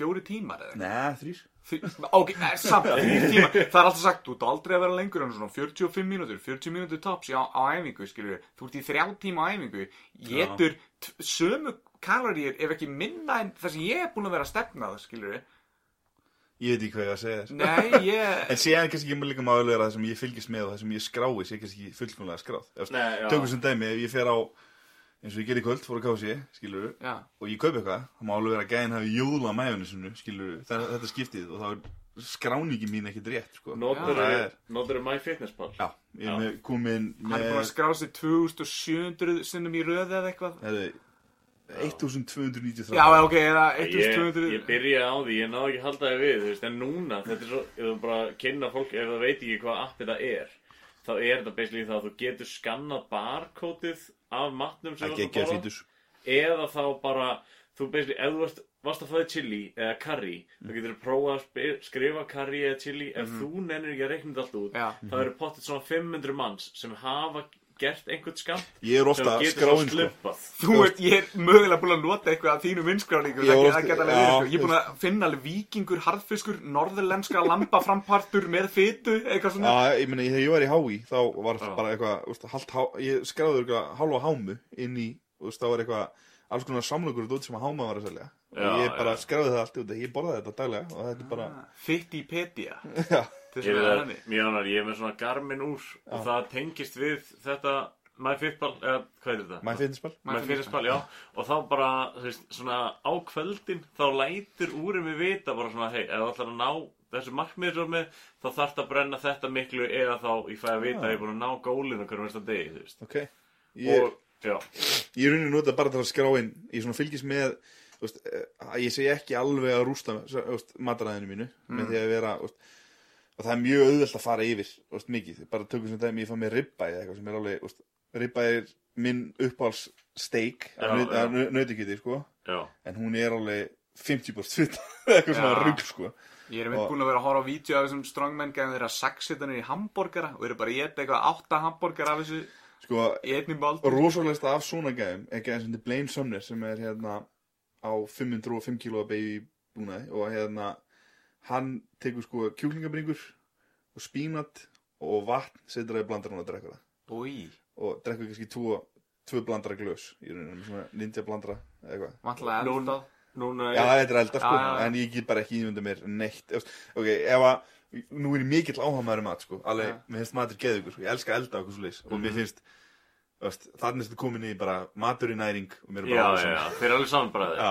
Þetta er, það er náttúrulega til mikið heimildamindum á Netflix um sterkust eða svona kraftlýftingamenn Mhm. og ég, alveg, ég, ég hef svona glance through þeim svona aðeins. Og hérna og það var einmitt það var einn gæi sem var að reyna að bölka on a budget. Já, þú veist, hann var ekki komið með sponsor eða neitt þannig að hann var að geta alveg rosalega mikið instant núðlum og setti eitthvað prótín yfir. Ég var ekki alveg að skilja en hann var búin að reikna út eitthvað sinkmanni eða eitthvað svona kæftæði ok. Og var bara að geta geðveikt mikið af instant núðlum Sko, Ok. instant núlur eru ekki? Það bara eru kolvetni og fita nefnilega, það eru djúbstektar til að það verði svona þurrar. Já, Ég vissi það ekki sko. Ég var eitthvað bara, ég var að horfa á eitthvað frakka sem er að, hérna, ég mælum með hann á YouTube, Alex heitir hann. Já, hann var með French Guy Cooking en nú heitir hann bara Alex en hérna, hann var að búið til svona einu núlur út af hann elskar svona instant núlur og þá var hann að fara yfir sko, hvað þetta er ógislega fett út af þessi djúbsteikjar í versmiðunum í stað þess að airdræja þess í rauninni sko. já, ég skilði þannig að þetta er og veist, það kemur ekkert óvart að ég hef verið feitt barni ég fór steim í hádeginu og borðaði tvo svona Já, ég var að vinna með tvo svona alveg lengi vel sko. Já. Ég er alltaf í langlokkurist, sko. Já, það er rúglega gott fyrir, gott fyrir aðeina og sama- ég, veit, ég, veist, ég hugsaði þessum hluti að sko, ég veit ekki hvort að brennslánu sé eitthvað í klessu núna sko, en jú, ég fitnaði alveg þegar ég var yngri en ég vann á Olsson Olsson þegar ég var hérna Já. 17 ára. Og þá borðaði ég Olsson Olsson allavega 15 daga í mánuði. Sem er hlölli eða nonnabiti keflagur Bara fyrir hlustundir sem þekki ekki keflag bara eins nema betra. Nei, nei, eins og sé, þetta er bara sú, það koncept með henni sem brauði með kjöti. Borðaði 15 dagi í viku og oft fór ég líka þegar ég var ekki að vinna fyrir mér í hátteginu Í Ég- var að hugsa að þessi, þessi vinna tók örugglega svona 5 ára æðu minni. Veist bara klifti veist bara stöffa æðana mínas með Kra- Kransæða stífla coming right at ya. Gunni bróðir er mitt vann hann líka lengi vel Já. Og hann, hann er reyndar svona gæi sem að það eru til að þekkja allir eitt svona vin sem er með svona það hraða brennslu Já. að basically fitnar ekki. Já, og hann er mitt, hann átt þetta örgulega tvisar á dag sko þegar hann vann hana. Shit. Það bættist ekki á hann sko. Nei, það er, það er alveg gott fyrir hann og allt svoleið sko en ég held að, að kannski Nei, samt, mjög já. mikið að unnur kjötvöru og majónis ég sé, eh, lengi svona, já, En hvað sagður eftir að kúkalífið hann að hitt? emojum Ok, það ég, ég ætlaði að koma að sögu á hann en ég fótt í bandaríkjana í, á síðast ári þar sem að vinu minn var að fara að hitta kærastan sem í fyrst skipti hann ætlaði að taka þetta emodium í heila viku út af að hann þorði ekki að kúka heima í honni Já, ok, ég held að, já, ég held þessi bara ég held að, ég held að myndi bara ekki fá að fara í gegnum flugvöllin þú veist á leiðinu tilbaka bara heyrðu þú ert með eitthvað í þörmónum á þér sem lítur út fyrir að vera sprengjöfni sko ég sé bara fyrir mér einhvern tíðupunkti þá hættir matur bara að fara niður sko. Ég líka hver fyrir bandaríkjana veist, það er bara Matselt Já, í bandaríkjunum er bara þannig sko Ég að Þú getur ekkit bara eitthvað, já, ég ætla ekki að borða þú þú þar- að fara heim og leggja þig eftir, eftir eina máltíð. Þar einmitt lærði ég að til dæmis hérna Whooper og Whopper. Nei, Whooper Burger og- King. Burger King og hérna, hvað Er, heitir er þetta? ekki Whopper? Jú, Whopper og Ok. Slider hjá White Castle og svo hvað heitir þetta hjá McDonalds sem var bara cheeseburger Það er hérna, það er cheeseburger En síðan heitir- eru við náttúrulega líka með hérna Quarter Pounder Já, þeir, þeir, eða þetta, Royal cheese Royal- þetta cheese. heitir eftir því hvaða hljóð kemur þegar þú kúkar þessu út Slider. Það er að fara bara Slider og veist, þetta er að fara svo rætt Ah, út af þér, sko. Ok, og McDonalds er bara! Quarter pounder! Það er þetta passar ekki alveg En þannig Sko- lærði ég þessu sko. Já, sem tengist þessu það er svona talandi um hvað fólk e, eða þess að kortibándir, eitt fjórði þess að úr pundi. Já, Burger King fóru svona í kemni og voru með eitt þriði á pundi one third pounder. Ok, en að ok. fólk held að það væri minna heldur en þú veist, Og það- eitt fjórði hljómaði starra Já, heldur en eitt þriði já. og þannig feilaði svo vara. Hvað er svo svekkjandi? Það er bara, því Það er svo mikið feil á markasetningu Það er ógeðslega sniðut á fyrirtækinu í, í markasetninga sko stríði En bara hvað fólk getur verið heimst Já, gerir bara ekki gera fyrir það eða, Jú, ég veit ekki, ég hefur farið í starffræðitíma það er ekki að fylgjast með sko. Að það er kannski bara Nei, en ég finnst þér, ég Já. farið til bandaríkjana Þar er engin gáður Nei, það er Nei, ég veit ekki hvað að segja. Það er að vera pólitíski rétt, rétt hérna eðast. Eru þeir, eru þeir ekki með frekar laga svona menta þjónustu? Sko, ég held að, að, að óst, Nú er ég ekki mentaður Jú, hvað þið segja okkur enga- nokkuð disclaimer að ég er ekki sérfræðingur í skólakerfum bandaríkjana Þetta verður allt En ég held að, fátak hverju í bandaríkjunum búi við mjög mikið fjárskort. Já, og, og, og fátækt elur af sér fátækt. Og, og það verður bara að segjast að, að hérna, slæmt skólakerfi líka bara það getur verið í hag ákveðna aðla að vera með mjög slæmt skólakerfi því að fólk sem að hefur ekkit læsi á upplýsingarna sem það fær það er í rauninni gleipir allt sko. Já. fyrsta skipti sem ég fætti bandaríkjana Þá fer ég í Allentown, Pennsylvania Já. Og hitti þar svona svona aragrúa af bandaríkjana Ég var á námskeiði og var svona alls konar afrikjar Og ég fekk hrós, ég og bróðum fengið hrós fyrir það að tala mjög málfræðilega rétta ensku út af því að það voru margir þarna sem áttu bara í erfileikum með Vá, að tjá sig því- almennilega sko. Pældi því hvað það, þú veist, ég veit ekki hvort það er móðgun eða bara sorglegt eða hvað. Pældi, pældi að fara til einhvers lands og tala betur tungumál Einmitt. heldur en heimafólkið. En það var reyndar ég útskýri fyrir þeim að við erum með allir þessa fallbengingu og svona þannig að við Já. kannski erum forritið svolítið að nota tungumál betur Tom Segura, hérna uppistandari hann er mjög gott um þetta þar sem að hann tala fyrir einhvern gæði og segir I says, I says to them það er svona já, agalega enska Yes. það er bara þú veist, ég meina þú mætir í skóla kennarinn við er svo drullu bara alveg saman hvort að þú lærir og síðan tala allir svona í kringu þig og þá er náttúrulega, en nú síðan kannski á einhverjum tímpúti getur maður að hugsa bara að þetta er bara málíska þú veist, Já, tala bara svona Ég meina þetta er alveg eins og bara gamalt fólk í dag finnst ungt fólk tala okkur aðsnalega út af því að í íslenska málinu er alltaf að þróast meira og meira slangur inn í þú. Veist, við hefum allir lendið því að við vitum enska orðið en munum ekki alveg íslenska orðið sko. Vissulega.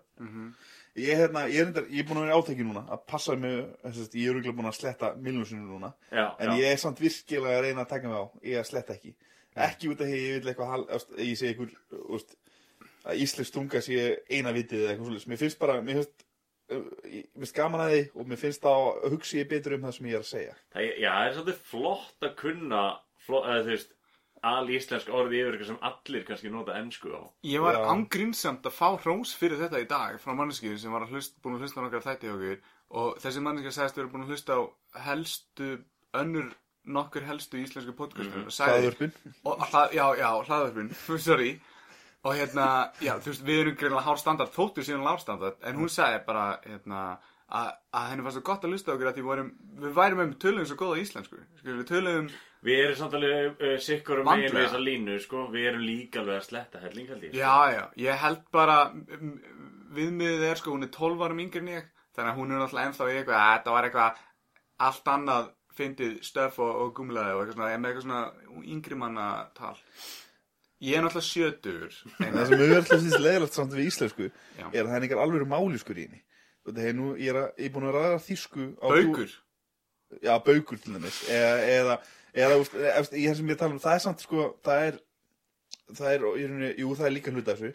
En ok, tökum við sem dæmi að Þetta með eins og norðu þjóðverðar skil ekki suðu þjóðverðar já, eða, svo já, fjärstætt já, svoleiðis máli sko, ok, veist, Já. það er ekki að vera svona íkt sko, Nei. en ok, þú fer norður og þú fær mjólkina og, og baukinn og, Pilsu. og pilsu og síðan erstu með skattsverskan einhljóðaframbúð sem er hérna laginn, daginn Mm. og hérna einhljóðaframbúðinu fyrir vestan sem er hérna að fara í banka Mm. og svo leis og það er eitthvað til, skilur síðan var til einn fyrir austan og Mm. sunnan sem er flámæli og þá var bara, herru nei, við tökum bara ekki þátt í þessu og bara málfarsraðuniti á Íslandi fóð bara skipulaði í skóla og passaði bara upp á að það myndi ekki gerast að flámæli myndi Já, ná já. það var útrýmt sko, amma mín, langaða mín sagt, Var hún flámælt? smáflámælt, þannig að hún já. sagði venur og, Já. og sunnubröð seitján Já. Já, þú, þú, þú mýkir yljóðið þannig að það verði e. Og, og hérna, það er svona lekur út yfir þannig að það er þá venur Mm. og hvaða vettlisa er þetta? Og, svoleiðis, og það er hérna einhver gæi á landanum eða eitthvað heitir sem sagt Uh, LIP, LIP var það. Og hérna þeir fyrir norðan þeir fyrir norðan kvöldan LIP LIP það var ekki sko. Svo er sko landið, landfræðilega skiptir helminga hvort þú ert á vík eða í vík.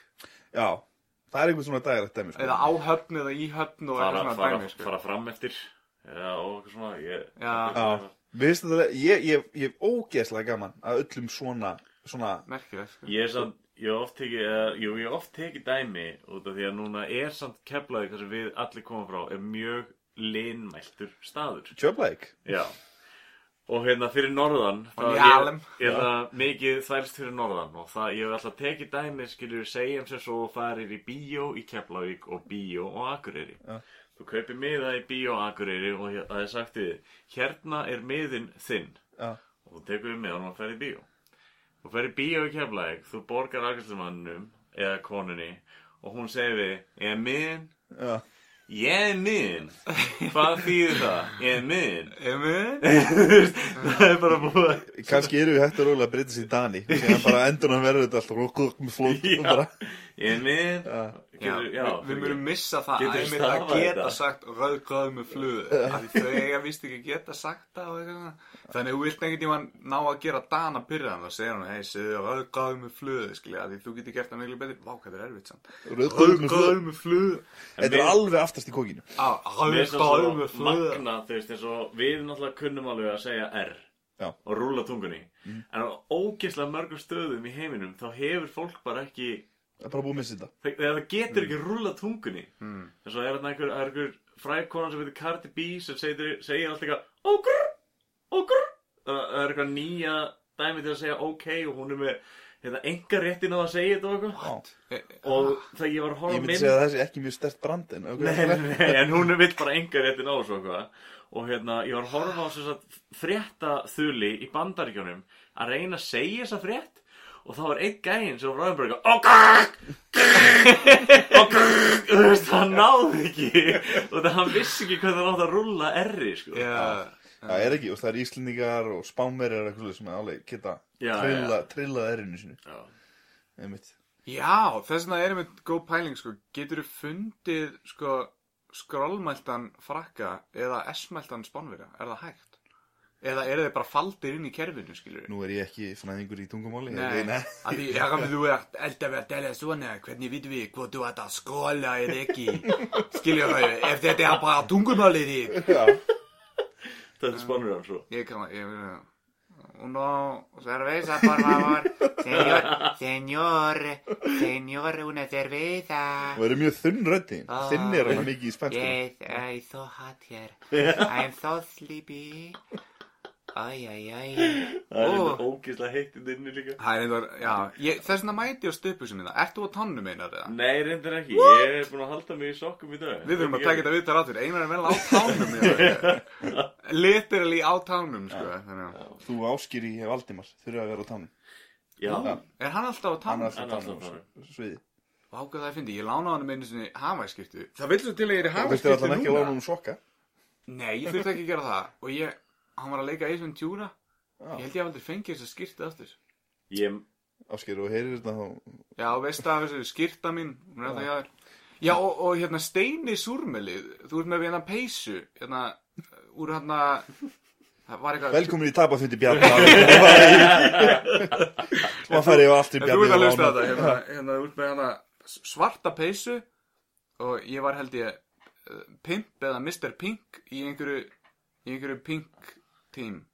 Var. Þú ert held ég einn af þrem á Íslandi ef þeir eru fleiri sem að hlustar á hljómsveituna Wolfpack. Já, ég fýla Wolfpack. Ég, Ég ég fýla gott feng, sko. Það Já. kemur að held ég þegar ég spila bassa. Og ég er bara eitthvað, hei, þetta er geggjaði bassa Þú líka. spilar á bassa? Já, Ok, lærði mér svo bassa í þrjú ár. Þú meinar, þú, þú ert bara, uh, hvað er það, þú sem til að smiður. Þú ert pappi, gerur bíla, lifti kössum og, og lóðum, reyndar líka, ég ætla ekki að segja kössum. Lifti bílum Spila á bassa. Og ert þá Og líka gítar með þessa svolítið að svona í funk senu eða reyna að halda þið þar eða? Nei, nei, eftir, ég hlust á Ég tekið þessum dæmi Ég er núna í, í ból frá Power Violence hljómsveitinni Nails Þannig að ég svona, En hérna, Já, já, ég hlusta eiginlega bara á, á það sem ég fíla sko. Og það er eiginlega komið eða, sem sagt, Og ég hef oft hugsað það, sko, að eins og núna með Spotify Hvað ég er ógeðslega mikið tónlist sem ég hlusta á Já, og það fyndi sko þegar stundu fæ ég svona nostalgíu í ákveðin tíma eins og tökum sem dæmi ég var að hlusta á Dinosaur Junior sem daginn sem að er mist glæsil já. með þeim hérna í kom til Íslands og hérna ég var að hugsa um sko hvað væri geðveikt að ég hefði verið í 90s college senunni í þar sem að college radio eða Ah. háskóla útarp var í rauninni, þar var allt undirgrannandi að gerast. Þetta í bandaríkjunum eru bara 40 lög spiluð sama hvað þú ert í bandaríkjunum. Það er bara Eagles, bara Hotel California er Ah, búið já. að vera steady í 40 ári í bandaríkjunum. Eitt af þessum 40 lögum. Og síðan voru þessar, þessar háskólastöðar sem að spiluðu eitthvað annað. Og ég var alveg, já, það hefur verið geð þegar maður hefur verið í einhverju súlis en síðan hugsaði, af hverju, ég get hlusta á allt þetta og miklu meira í dag já, en maður fær svona, úst, maður fær rómatíki við já, öðrum tíma já, ég skil það mjög vel. E, Já, nostalgían, já, hún er alltaf, það er alltaf, þetta voru alltaf betri tímar en þeim virkilega voru. Ef þú Já. ferð aftur á tímanum þá ertu bara, fuck, það er ekki eins og internet, hérna, hvað er að fucking gerast? já, nákvæmlega, þú- hérna, það er geð sem heitir John Hodgman sem er svona, hann er leikari held ég, uppistandari og hann er svona, hann er svona Aldrei heyrtum hann. hann er svona allt múlika í bandaríkjunum og ég er með grunnum að sé svona úst, hvernig ég geti orðað þetta hann er svona úst, eins og Bergur Eppi er á Íslandi, er hann í bandaríkjunum svona bandaríkjum munu vita hann ákveðin hluti af bandaríkjum munu Svona vita hann listrætt líka. já, í já. rauninni sko Ok. og hann vil meina að hann nostalgía sig svona mjög eitrað eitruð hugsun sko Mm. og fólk svona, það man bara góða hlutina og hann talaði, ok, ástæðan fyrir hlusta á þetta var, þetta var í kringum fórstökkostningarna 2016 í bandaríkjunum Já, og eins og hann sagði sko slagurðið Make America Great Again Mm. er hlaðið að því er svona, er svona hlaðið að það hefði verið allt úst, æðislegt áður fyrr sko já, já. og hann sagði, ég menn æðislegt fyrir hvern úst, fyrir samkynnaða mann árið 1980 þar sem að úst, fólk gera hríðfalla á reyðinni eða Já. fyrir svarta mann í bandaríkjunum árið 1950 þar sem að þú er gott sem er ekki- sko. já, þetta er svona úst, eins og að- hlutin að hann sagði í rauninni Great Again fyrir hvern í rauninni Mhm. og fólk kannski ef þú fer ekki djúft í þetta þá hugsa það, já ok, þetta á við mig en sennilega ekki. Þetta, er- þetta er samt fínt slagorð, skilur við. Þetta er þú getur lesið það sem þessu. slag sko. Þetta er bara, ó, ég man góðu stundinar, ég vil þær aftur. já, Sama hver er góðu stundinar voru, skilur við. já, síðan er líka bara annað þessu, þú veist, hafi aldrei farið til útlanda þið farið ykkur að ferð og það er gaman að meðan en eftir á er ógeðslega gaman fætti, Já, Kemur að heim- minnast þess. já, í rauninni sko, veist, ég hef alveg farið í ferðir þar sem að, veist, það var virkilega gaman ég við ekki, og svo leis, en þegar ég líti baka þá er eitthvað minn ennþá skemmtilega Jú, Hvernig við- veistu, við- kannski var bara leðilegt. við- Þú veist það ekki núna. já, jú, Þú ég, litaðar af nostalgíu. Já, mögulega. Við, höfum oft talað um hróaskjöldu ferðirnar okkar sko. Já, Þú veist það var ekkit alltaf ógæslega gaman að vera viðbíslega þunnur í tjaldi. Nei, nei en það voru svolítið gaman á hinum mómentunum. Eða er eitthvað öll draslinu eitthvað rænt? Já, já, Já, og þú veist já. þetta er alveg nostalgíu kannski það. En Já. reyndar ætla að æla inn hérna Ég hitti Berg Ebba síðustu helgi. Já, og, Dýrkan. Í dýrkan Já, ég hitt hann sem sagt í garðpartí niður í Reykjavík þar sem að mér var bóðið í gegnum bróðum minn og þar býr gæi sem að er eini maður á Íslandi sem gerir upp og smíðar pinballmasín já, Já. og hann sem sagt er búin að skaffa þetta út um allt og hann er bara greinlega þérna sinn peningur uh, af þessu er með flotta sportbíl og geggjað hús og er hann þröstur? Já, ég þekki hann. Já, og hérna Genið bíla. Já, Já. og hann hérna hann er með geðveika spilakassa og ég, við, ég náttúrulega er það ungur og ég upplifði þetta ekki Mhm. en að, að fá að fara inn í svona spilakassasal svona eins og hann er með lítinn hana Já. og lætin og, og geðveiki sem er gangi, þetta var geggja þetta var svona ein stjarnan af menningarátt hjá mér núna bara það að fara, hafa farið í þetta er að þakka hann fyrir það. Og þar hitti ég Berg Ebba, ég reynda að spjalla efulega lítið við hann. En ég bara hitt hann, ég myndi eftir þessu þetta þú sagði þetta. Þröstur á mjög flottan Porsche. Já. Hann er einmitt svona, Hann bara með hann inn í bílskur. já, einmitt. Pappi minn var líka svolítið, það er svona, er, já, þannig tengist, tengist þið svolítið. Já, og líka, hann er líka átti mikið BMF mér á þér og, og, og ég hérna, var í BMF senun á Íslandi, eh, sem Mm. er eiginlega döð. Þú er samt mjög mikill bíla á að maður, eða BMF-senan á Íslandi er hefði bara núna hjá hann að Gæja. Ég Já, eiginlega, já. Hann er er bara einn í henni. Já, og Viktor Frændans. Já. En hérna, sko, já, pappi minn er mikill bílahámaður og hann er slæru bílaverki Já. og, og ég í rauninni bara elst upp við þetta Já, já. og ég veit ekki alveg, sem deyrir þetta svona smá, ég byrja að spila bassaðan og húlis og þá svona dettur þetta út aðeins, Já, sem fæ ég bílbrú aftur og þá bara eitthvað bara eins og þessi kveikt bara að rofa og þá bara, Já. veist, ég held að við séum akkurat álíka þeim aldrei núna, maður er að leita sér svona nokkrum hobbyum svo þú veist til að dunda sér svona eilíðarverkefni líku við. já, Þar er svolítið stert að detta inn í eitthvað bílamál held ég. Ég skil þetta ekki. Já, já, silfurlitaðan bíl, hann er, hann er Volkswagen, Polo. Þú, þú líka, þú veist, þér finnst ekki gaman lífinu, skilju, vinnur í Savia, þú gerir það sama okkar með þessum degi. Bjarni er náttúrulega bara svona gæðin sem vil að bílinn sem fari í gang og ef hann fyrir í gang, þá er hann í lagi Já, já, já, og ef hann fer frá A til. B, þá þurfum við ekki að ræða og það þetta er alveg legit, sko, ég á bíl ég á tvo bíla, Hmm. talandi kúlisfórstur en ég á, ég á sjálfur tvo bíla og síðan á kærasta minni bíl en mm. ja, við höfum þrjá bíla saman, sko og hérna, Hvað er kólefnisfótsporið hjá fjölskyldun ykkar? Já, sko, ég er búin að kera annar bíl með Svolítið 200 stórt hjá km í, í, hérna, í sumar, þannig að það er ekki svo, svo mikið, sko Nei, en ég á bíl sem er ATB, sem ég er á núna, til dæmis ok. sem er bara, ég meina Já, já, hann er fjölskyldubílinn sem við komst að hana. Já. Family wagon, hann var. Já, er bara eh, Honda Jazz, besti bíl heim, það er 290 fyrir hann sem er bara, úst, hann dugar, fyrir frá ADB, tekur ógislega mikið dóti Já, það er úst, bara eitt, en sen úst, hinn bíli minn, hann er meira úst, beint í tilfinningar skilurðu. Ok. hann Ég er er bara, Þú kemur svona aðeins bíl á hinum bílum, en hinn bílinn er svona kannski meira, hvað er mér langar að skoða F, já, sem er ekki staður upp á fjalli. já, ég er líka að hugsa um að sem sagt, ekki að hann er, hann er ég á ekki svo fína bíl, ég á bara, ég á BMW 5 sem Já, er alltaf já, að ok, bíl ok. skilur en það er ekkit, það er ekkit fínasti bíl í heimi eða, eða, það er ekki Ferrari, það Nei, nei, En þú ert komin í eins og Ferrari-deildina, þá ertu komin A til A bíl. Þú getur ekki farið neitt á hann. Nei, nei, Þú getur bara farið rúmt á hann. já, og helst ekki við hraðahindranir og. Nei, nei, fer ekkert, þú stoppar ekkert fyrir utan, eitthvað á sjoppu eða eitthvað, þú leggur um ekkert fyrir utan kási. Nei, nei. Þá er þetta, þú veist, og það er alveg legit, veist, hérna, veist, þá er það í rauninni bara til þess að, hérna, svona fullnaði þeir þörfa að kjæra hraskaði bíl. eða Ok. eitthvað svoleiðis. Og það er, ég meina, þetta er bara áhugamál, sko. Er það eitthvað sem hægt er að eiga á Íslandi? Vill maður ekki frekar bara vera á autobahn en í Þýskalandi eða einhvers staðar highways í bandaríkinum með einhverja svona, svona kerrur? í, það eru auðvitað skemmtilegri vegir eða eitthvað, Já. ja. ég veit ekki en Maður vill kannski ekki búa við ekkert sjávarsniðina um með þessa bílar. Af því ég veit að bílar, þeir skemmast svolítið í saltinu, sko. Já, það er eins og Já, minn bíl er gemtur í nefaveitunar sko. Já. og hef, ég er búin að er hún lítur bara mjög svo búið Er, ertu kannski, ertu nokkuð búin að sjá hérna á Netflix, það er ný seria sem heitir Rust Valley.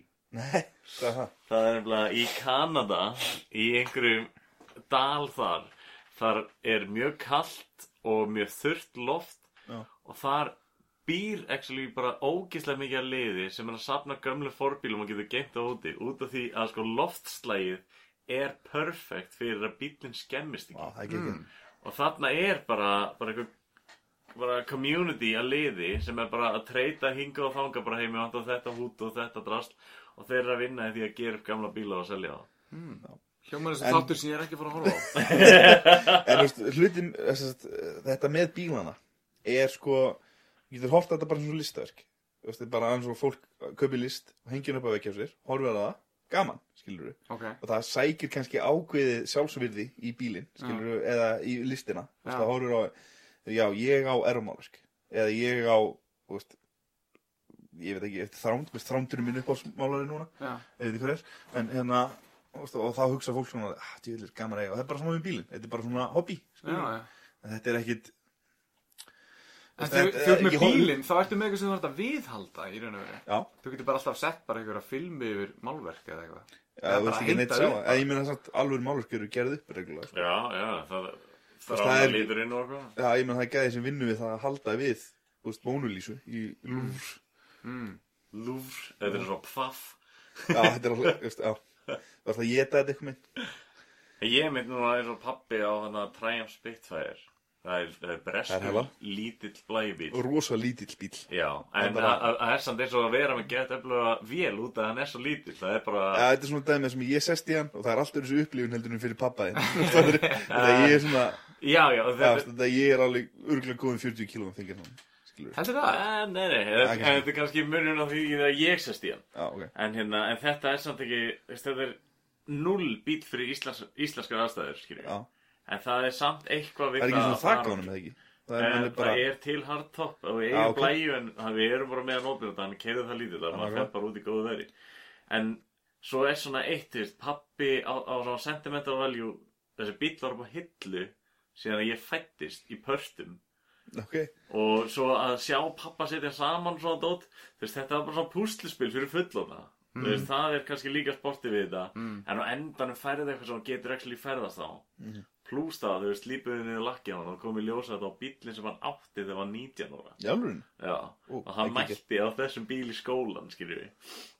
Og hérna, þetta er einmitt svona, þetta er bara bílinn í bílskúr, en það er svo mikið value í honum miklu meira, sko, ekki peningalesi, heldur bara fyrir fólki sem var að vinna í honum og sentimental og svona. Býttu bara svo ég skilði það rétt. Hann átti bíl þegar hann var yngri, seldan, Hann- keift já. hann í pörtum og hann á hann aftur einhvern veginn. Já, það Wow. komst í ljós, þessi bíl sem lendir í hann í- bílstísi, já, og hann var svona, Ah. hann var svona sinneb skulur þegar hann átti hann, sko. Já, og kaupir hann svo í mauki og eitthvað svona ég ætla ekki að fara í þetta verk, ég hef ekki tími í þetta verkefni núna en við vill hann bíl, Ok. sett hann upp í hillu Ég fatt það, ég fatt það. svo núna þegar hann er 60 og svona, ég ætla að fara að byrja á þessum Ja. bíl kemur í ljós að þetta er gamli bílinn hans það er ekki Já, við erum, við erum búin að lenda mikið, eða svolítið í því að Einar er að reyna Ég- að skemma þáttinn með einhverju fykti Sko, og prumpi og ég, ég veit ekki hvað Bergur Ebbi eða Snóri Helgesson hefur að hlusta á þetta Mm.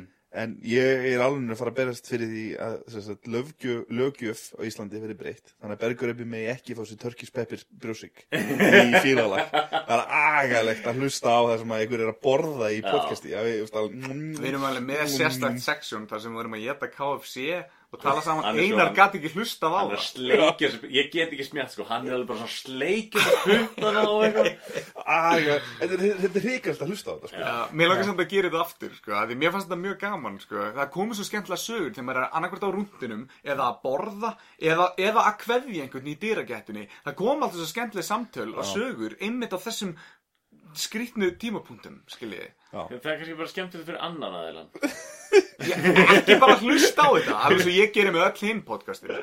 En hérna eitt af hérna, ein mikilvægsta spurningin sem ég ætlaði að koma með hérna sem þú settist niður og ég, það var e- eiginlega eina sem ég skrifaði í símum minn var hérna gæinn sem öskrar í pókan sem þú sendið mér snartjata sko, hvað er að frétta með það? Er, er það ekki fyrir neðan það sem þú vinnur? eða ok, jú, ég vinn sérst nýra austastræti og Ok. Það er downtown og sem sagt, ég held á þessu ég viti það að þessi maður sé útingangsmaður eða eitthvað svoleiðis. Hann allan að fer reglulega og fer inn á Bjarnafél ég held að hann fara inn á Bjarnafél allan stendur fyrir út á Bjarnafél og öskrar í svona tvær, þrjár mínútur og þú veist, einu sinni var mjög fyndið þar sem hann var að öskra hætti að öskra og það eitthvað var að tala við hann og hann leit svo úr í sitt og byrjaði að öskra strax aftur og hérna hann er öðru hverju þetta öskar fyrir utan og en daginn þá öskraði hann og girti svo niður í sig alveg og pissaði á guðuna og ok, ok, það já, Vá, bara ösk eða, sem sagt, þetta er að eskalatast í eitthvað já meira. sko, e, e, sko ef hann hefði mætt og bara öskar það hugsa alveg hm, þetta er eitthvað svona fyndi einhver menns já, já, það er einmitt það sem ég hugsaði. Þú veist, þetta er svo hlátisjóka eitthvað svona þú veist að Ah. reyna að ná út eitthvað svona pyrring en um leið og þess að hann hefði girt alveg niður sig það var svona, ok, það það- það Þá er eitthvað meira já. Svona, Hann er ekki Ég- bara einhver hedge fund manager sem er að tapa stundum miljónir Stundum er hann að vinna Þetta er eitthvað bara svona aaaah, kókain flip. Grunar ekki sko. Nei, En ég, ætla, ég hef ekki farið niður og spurt hann eða talað við hann. Það er svona, þú veist ok Við ætlum Ég er meira að bara að horfa á hann og þáttinn og Já, getur Þetta ekki að reyna að finna hann. Ég meina við vitum hvað hann verður eh, reglulega vik, hvar, Vikulega eða daglega sem hann Ég, ja, þetta er, ég held þetta, þetta er, þetta er svona óreglegt núna. En Ok. eitthvað sagði mér að hann hefði verið alla fimmtudaga eitt sumar. En það er líka, þú veist, í meða við hvernig hljóðið hefur verið á síðustu þáttum þá Já. er allt í lagi að hafa eitt þátt þar sem við erum bara með gæja hérna að öskra í mikrofónu Já, já, reynda Já, fyrir já Þá er þetta svona maður sem fyrir fyrir utan vinnunum mína og öskar En eh, Já, já, ég, Og það ég bara heyrist. Bjarni sagði frá þessu, ég fór strax að pæla í, þú veist hvernig póka? Já, ég held að pókin hefði verið tilfellandi bara sko. Ég hef sér líka segja bara öskar sko. Já, ok, það? ok, ok. Hann bara held að póka og síðan öskar hann í pókan Mm. Og hérna, hann kíkti í pókan, öskraði, kíkti aftur í hann og öskraði meira. Þá hljómaði það smá svona eins og gjörningur sko. Þú veist að öskra þá- í póka Já Safna einhverju, það í fyr- reyði Það var í fyrsta skipt sem ég sá hann. Og þá var ég alveg, hm Þetta er spes en ok. En síðan svona held ég núna að, að ég held að hérna uh, Það sé ekki alveg er allt rétt Nei. Það var, ekki, það var í, allan að gamla það, man ég eftir, svona eins og hérna talk to the hand because of face and listening, þá er oft sagt hérna skokkað á vegg eða röflað í póka. Já, hann er fór að röfla í póka í sko. Hann tók þetta bara bókstaflega Þetta eru hérna Seinfeld þáttunum þar sem að pappans er með hana Serenity Now. Hann öskar það. Eða sem sagt, Hann var ekki viss hvort hann ætti að öskra. Serenity now! Ah, Serenity Serenity now! Það er kannski eitthvað svona, eitthvað tækni sko. Þetta er svo svipað eins og hérna í Office þegar Michael öskrar út í loftið I declare bankruptcy. Já, mjög gott aðrið, virkilega gott sko. Það held að vera bara nóg að öskra það, sko. Já, Ég á eftir að sjá bara- allt bandaríska Þetta er bara að lýsa yfir Hann sem þetta lýst yfir gjaldrúti Með því að bara að lýsa yfir gjaldrúti. En hérna, bandarsku office er gott sko. Það meira af því heldur en berska Ég hef heilt það þarf samt, eh, ég held að allir þeir, að veist, ekki byrja einhvers staðar aftast. Ég held að fyrsta nefnilega seria, þótt hún sé alveg eins og breska, fyrstu tvær seríunar er svo mikið svona Kynnast-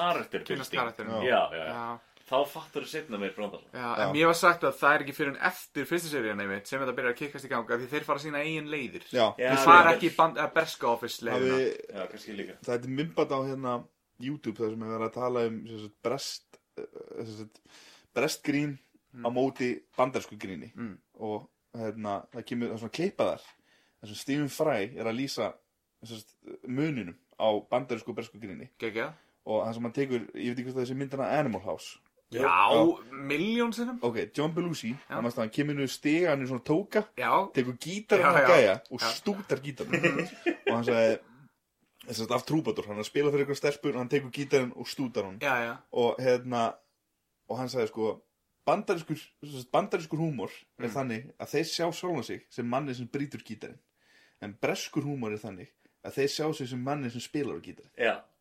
Vá, Skilur. þetta er þetta geðveikt. Þetta er, minnst það, rosalega góð greining á þessu að, sem sagt, að breytar þeir, þeir lenda í því að sem sagt, það er brotið á þeim Já. að meðan bandaríkjamenn sækja sitt húmor í því að, að gera eitthvað við annað fólk Má, má Já, þessi- kannski segja svona uh, að Breitland sé svona litli bróðurinn.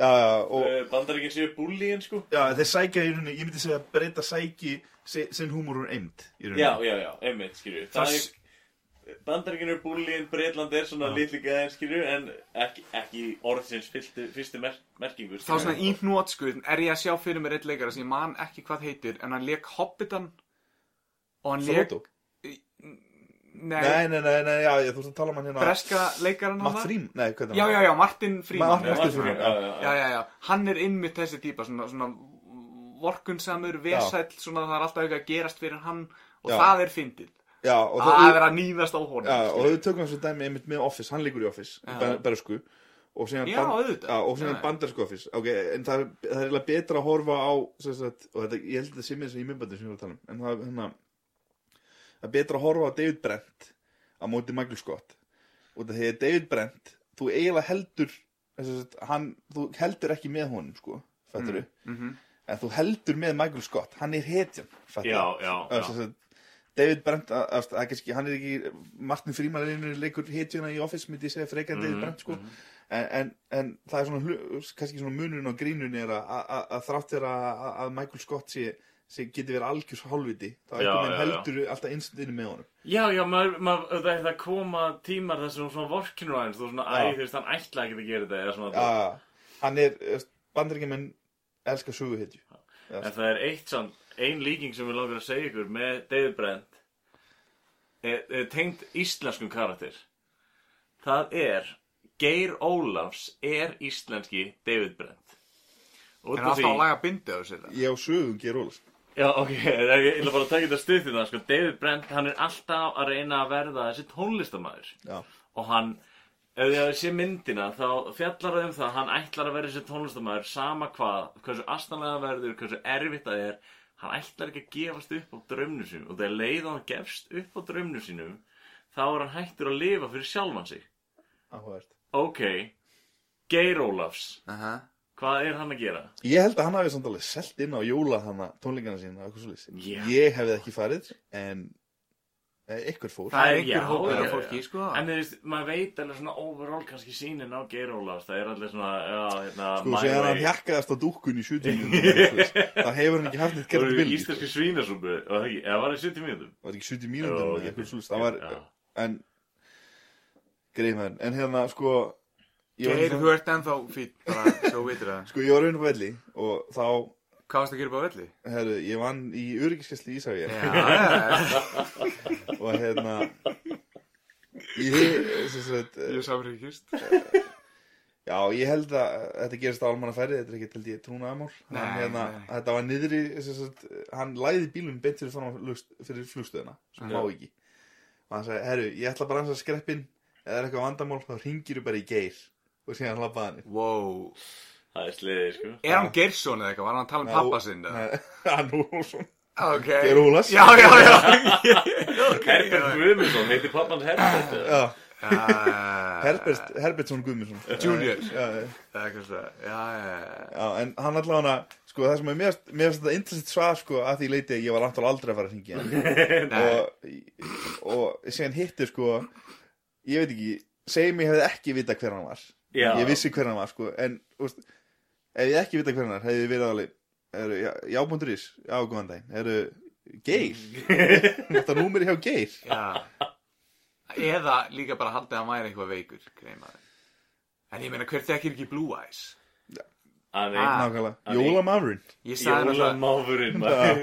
geggja dæmi. Ég sagði náttúrulega frá því bara fyrir svona tveim, tveim þáttum þegar ég lagði bílnum hans heppaði mitt inn á P3, inn á langtímastæðinu og hann gaf mig geisladisk í staðinn og svo gemdi ég frakkan hans meðan hann fór erlendis. alveg rétt, ég var að gleyma því Veistu, og ég bara, ég, ég, ennþá, ég segi þessu sögu stoltur, sko, að, að hann átti þetta alveg skilið. Já. Alltaf ég skulda honum að því ég er búin að vera að hlusta á tónlistina hans að hans að borga hann eitt fyrir, skilur, greiði manninum, þannig að, En þú talaði samt um það að þyrst að borga til þess að hlusta á hana, hana ástafballuði disk. já, eiginlega, sko, þá þurfti hann að borga mér fyrir að hlusta á ástaballuðu dis diskina því hann tók smá dífu þar, sko. Sko ég, fíla mikið tónlist Hebbi er ekki þar Ekki eins og niður Can't Walk Away. eh, Nei, ef sko það er nefnilega, ég ætla að segja mig Can't Walk Away Já. Ég held alltaf að Can't Walk Away væri smellur international, fættur Já.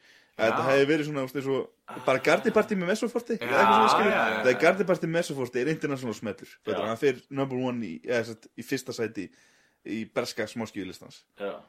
Hebbi var ekki vinsall fyrir utan, fyrir utan Ísland. Ísland sko. Það er bara, Þetta er 80s lagari Íslendinga. já Já.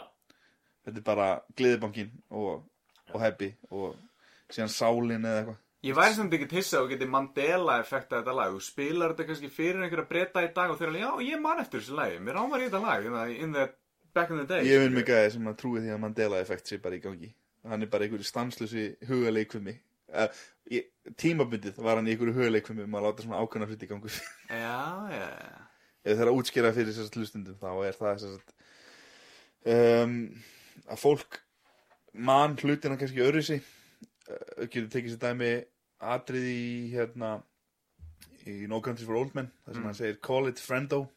Mm. en í rauninni segir hann það aldrei. Hann segir bara call it. Og aðeins áður í myndinni segir hann uh, what's the most you've lost in a coin toss? Friendo eða eitthvað man ekki, það er ekki eins og Ah. var eitthvað önnur sending með þess en call it friendo kemur aldrei fyrir en einhvern veginn er fólk bara með það í Man það alltaf. það man alltaf það sko. Já, og það var allir bara eitthvað, já herru raumuruleikin var öðruðsi en síðan skiptum við um raumuruleika eru bara í annari Fake news. Já, verður en það sko, þetta er bara svona eitthvað, já, einhvern tímumhætti það fórum við inn í vittlusan raumuruleika Já, Er já, ekki- já, er þetta er svona tímalína, svona. Star Wars eða hann segir ekki Luke, I am your father. Já, hann segir bara I am your father. Já, það er allir bara eitthvað, Luke, I am your father En hann Og segir ég- það ekki Og ég man nefnilega eftir, eh, muni eftir myndinni Tommy Boy með Mm. Chris Farley sem að hann, Já, já sem að mér þótti mjög góð þegar ég var yngri, ég veit ekki hvernig hann er elst Nei, nei, ég, Eh, ég, ég, Hvaðan kemur þetta ekki? hann er bara, jú, Ég þar horfði er á hann að tala í Endless. vistu Já, já. eitthvað, Luke, I am your father og, já, og, já, já, já. já. og já, hún er svona eina af þessum myndir sem ég horfði á hún og hérna True Lies með Arnold Schwarzenegger. Ég er búin að horfa á hann svona miljón sinni Er það þegar hann er með henni hérna vinkun okkar sem heitir eitthvað og þau eru gift og eitthvað? Hann er, sem sagt, eh, hann þykist ára tölvusölumæður Já, já, já, já. og en er í rauninni að vinna fyrir einhver eh, hann er, er, er njósnari. Er, er ekki til mynd með Arnold Schwarzenegger þar sem Arnold Schwarzenegger er óléttur? Jú, hún hérna Nine months hún heitir hérna Junior. Junior. Ah, ok. Er, ekki, með- er ekki Danny DeVito? Nei, var Nei, í, það var er Twins. Ég var hann ekki líki í Junior? Það var einhver sidekick svona. Ég Já, ég man ekki hver það En var. allan, Nei, nei, nei, nei veitir, hver var Tja, ég, ég, Þú erum með tölvu hana, googlaði Junior. Ég, ég, nefnilega, ég held að þetta sé Hérna. Sko, Já, það var Jamie Lee Curtis með honum í True Já. og mynd, þetta er mynd var eftir James Cameron sko. Hún er, hún er ógeðslega fyndin. Það er Danny DeVito. Það er Danny DeVito, Danny það. Er er, er, Ég er ekki kynast, ég held að kartan hans heiti Larry Í myndinni, ég held að muni það. Hann, Pæli samt í þessu hvað Æ, Arnold Schwarzenegger var bara eitthvað Ég ætla að taka þátt í þessu handriti. Ég ætla að vera hérna Ég ætla, ég ætla að vera óléttur. Ég held að hann sagði bara ekkert nei þegar einhver hringdi í hann. Þetta er bara svona gæi eins og hafið séð motivational vídeoið með Arnold Schwarzenegger Ég bara, ég horfði á það rétt á hann fyrir að sofa einu sinni og ég var bara ógeðslega pumpaður Þú veist, sko Önnur spurning, sorry, á, áður en við skiptum umræfni Já. Hvort heldur hann hafi verið tekið með keisara Hann tekið með Eða- keisara með þér Hann Ok. átti ekki, hann skipt Já, ég, ég, ég er bara Þú veist, ég þegar Sko, sé að ef ég maður það. rétt að var hann að þróa Sko, vá, ljúmann eins og ég sé alltaf að horfa á þessum myndum Minnir hann hafi verið að þróa Líf til að, til að, sem sagt, fyrir fólk sem að væri ófrugt. Já, að- sprautaði sjálfa sig. Já, með því. og prófaði svona sér til að sanna að myndi virka. En hérna, sko, það er mjög fyndið að Sylvester Stallone, hann er búin að tala um það sérstaklega að hann hafi tekið slatta myndum sem sagt, sagt, hann hafi tekið hlutverk í myndum Já, út af því að hann held að Arnold hefði áhugaði fattur, eins og hann að Stop on my mom will shoot svo mynd sem er, hefur eldst ekki vel. Hann, hann tók það hlutverk bara að hann held að Arnold hefði áhugaði Var það ekki myndin þar sem það er eitt atrið hann er að spyrja hann svona hvað hann borðaði í morgumat og hann taldi bókislega mikið? Eitthvað, I had Cocoa Puffs, banana, ég bara veit ekki, ég hef ekki sé- pancakes Sko ég var er koma Cornflakes, með, hann er að koma með aðra Rambo mynd núna. Þú veist, ég er að segja það bara, það er til svona algoritmi í hausnum á, þess að algrimi við höfum það í íslensku, í, í hausnum á honum hérna, reikniriti eða eitthvað, reiknirit hvað er hérna? Já, þetta er svona, þetta er flæðiritt flæðiritt í hausnum á honum, sem er svona þú veist, eða kemur eitthvað, eða er eitthvað vafi búið til annarkort, nýja Rambo mynd nýja Rocky mynd, eða nýja Expendables mynd. Já. það er bara, það er bara þannig. þetta er cash cow sem að, bara hann getur alltaf hendi nýja Rambo, Hann er líka bara sami karakterinu í öllum þrejum, skilju vissulega. Já, ekki að hann nú líka- tilnum til Óskarsvöluna fyrir Creed sem er svona já, já, reyndar, reyndar, reyndar. Og líka Rocky, Rocky var tilnum til Óskarsvöluna sem mér finnst, eða þetta Rocky gekk út að hann nú er ég held ég að sé að spoila myndinni fyrir einhverjum ef svo er, ég meina þú hafðir- Það er ekki svo Það er- Ættið að hlusta núna. Já, þú hefðir 40 ár en hann tapar bardagunum í Rocky sem gerir, sem gerir Rocky svo góða mynd skilur út af því að- sko. Já, af hann leggur allt í það Já. og samt tapar hann skilur Já, já. En það er alltaf lægi út af að hann var svo mikið underdog. Og þú veist bara, herru, hann, hann þarf ekki sanna fyrir neinum neitt. Nei, hann, hann sigraði lífinu. Já, Það er, er, er það ekki móralli með jú. Sigraði í lífinu þóttu tapi bardaðanum Já. Já. Lífið er langklöp, sko. Þetta er komið, þetta er orðið mjög. Já, og kemur aftur ég ætla að segja sögu á hann með hérna, ég byrjaði að hrefa mig. Já, ég, ég fór í crossfit. Já, já, já, já. hérna tók þrjá mánu að því. En svo ég byrjaði að hlaupa. Og ég var eins og að hlaupa, rosa mikið. En markarinn fyrir 100 kíló á hlaupara, hann er ekkit þú veist, Hvernig er það? Ég ég hef hlaupið 10 km á 53 mínútum og Það er bara nokkuð gott. 5 km á og undir 25 mínútum sko. Hvernig er núna, núna ég, bara ég er rétt undir 100 kílóum sko. Að, mm. hvernig varstu í hælunum eftir svona langt löp? Þetta er náttúrulega svolítið skellur. Sko, með illt í hásinu og þá er rauninni hætti ég sko. En síðan líka bara, ég var alltaf að lifta með síðan, uh, ég veit ekki, fannst mér bara skemmtilega fór að lifta meira og síðan, þú veist, það hjálpar ekki, ég er alveg upp á Arnold Schwarzenegger myndum og maður sá alltaf bara Junior myndinni þá Nei, það var True Lies En já, Jingle all the way líka hérna. á, rosalega sko en, í- en í Ég horfði svo dag hana, sko. En í Já, dag ég- ertu bara að beigja, detta og pressa Það er líka einhverja aukaðingar sko Já. ja. Ég tek alveg axlabersu og, og, og hérna Ég hit upp uppbyldunum minni svona mjög Það sem að uh, eins og eitt sagði að ég var í svona Ég var í svona Hvað er ekki það, og hérna Fimmleikaðingum, þannig sé, eftir, Já, uppi, eftir, það er ekki þannig, ég nota svona bolta og sveigjanleika æfingar. Er það ekki Já, svo veist- bara gott að gera það áður nú fer á þryggja tíma æfingu að hýta eins og Jú, þú hittar upp, eftir með uppbyldunum hluta þryggja tíma einhvern Það er að Já. hita upp á svona korið sem Það er hérna En svona eins og grip strength, ertu að vinna svolítið með það? Nei, Nei, þarftu ekki að pæla í því Hljómaði pínusamt bara sem svo föður hlutur að beigja sér til bleiðum já, Þetta það er bara að vera pappi og, veist, og, og pressa samfellur fyrir barnið. Já, vissulega. Þetta er, ég, ég er að leggja bara upp í það að- ná því, þetta það já. það er samt fyndið sko að halda á veist, ég á 190 kíló back en að halda á honum í svona 10 mítur það er bara, ég er búinn á því sko. það, er bara, það er bara Þú ert ekki svona langklöpskæ, þú ert svona sprinter já, ég, ég held að sé líka bara veist, ég veit ekki, þetta er svo okkur því hann er náttúrulega uh, já, ok, ég á mjög virkan svon það er bara, hann vantar allan efa í hann, hann bara hendir sér fram á öllu og lætur, sér bara, lætur alltaf að það Ok. Og hérna uh, og halda á honum, þetta er og að vera með bara fellibíl í hundunum sko. þannig að En eins og Það sagðir 190 back, förum yfir þessar tölur. Það er án án, hérna, án búnaðar. 190 í, í backpressu Já, kíló, ekki pund Nei. án búnaðar. Tók 100, ég tók 182,5 kíló í backpressu á sunnudag ég er að kera upp í mót núna sagt, ég er að keppa Já, þannig já, stöður já, ok. Það er næstu helgi, ok. Og hvar getur fólk séð að gefa? ef ykkur langar til að mæta þá er það í, í hérna, íþrótuhúsi í San Senoni í, í hérna, Ítalíu rétt fyrir þetta Mílan. Í álverunni? En Ok, en gæinn hann að það sem er að ferðast um það sem þú varst að pitcha um daginn Er hann ekki, hann getur ég er í Miðjara hafsvinniðin hann? Já, já. Er nonni siglir eða eitthvað? Nei, Soliman Já, Soliman Sailings eða eitthvað. En inna, þú svo að missir á ljósanótt. Æ, miður. skellur maður. Það er bara að kveikja á berginu sko. Já, ég veit ekki hvað ég að segja Það er bara, ég hringdi út og þeir bara, nei, ekki sens Það er ekki að breyta svo Nei, nei, þetta er eh, mjög lengi ég er, Þetta er í rauninni þriðja árið sem ég hef geta farið út og keft á þessar keppni. Ég er að ná ákveðinu lágmörkum til að, að, kraftlíka sambandi leiði við að keppa. Mm. og ég uh, fyrir tveim ára síðan þá hérna var ég að byrja nýri vinnu. Eftir, fyrir ári síðan þá var ég eignast Bjart og, og síðan núna þá er ég loksins. Loksins, Geta, en það er svo, he- endar, ég var að flytja í íbúð og á, er, gæti átt meira peningum sko norða þannig Mm. Þannig að- en, Íbúðin verður ennþá þannig að þú kemur heim Já, Alveg vissulega. flott. en það er hérna BMF-in getur verið farin já, Já, eftir þetta, meðan fólk kemst að allir garót heima og á, hann maffi skútum, ok. hann er gimdur náttúrulega en hérna já, 295 í bekkur, nei í, í hnipi 190 í bekk og 280 kíló í reyfstuðlift Ef ég má spyrja á svona móti Já. Eru sjúkarþjálfarar og nuttarar og svona sko, til staðar? nei ekki ná þú myndir fara að mæta með svolítið fólk sko, það er hérna þetta er ekki það, þetta er, svo- þetta er svolítið amatjur sport sko. Fer eitthvað tím með þér, eða ertu bara að fara solo? Tveir vinnir mín alltaf mér En það eru fleiri kepitur að fara frá Íslandi sko. En, en, en hérna Þetta er svona Þetta er C-mót, vesturöfumótið Þannig að þetta er A, A, B og C. Ég get líka keft á á Evropumótinu Ok. sem að er í Kaunas í Litáin í desember.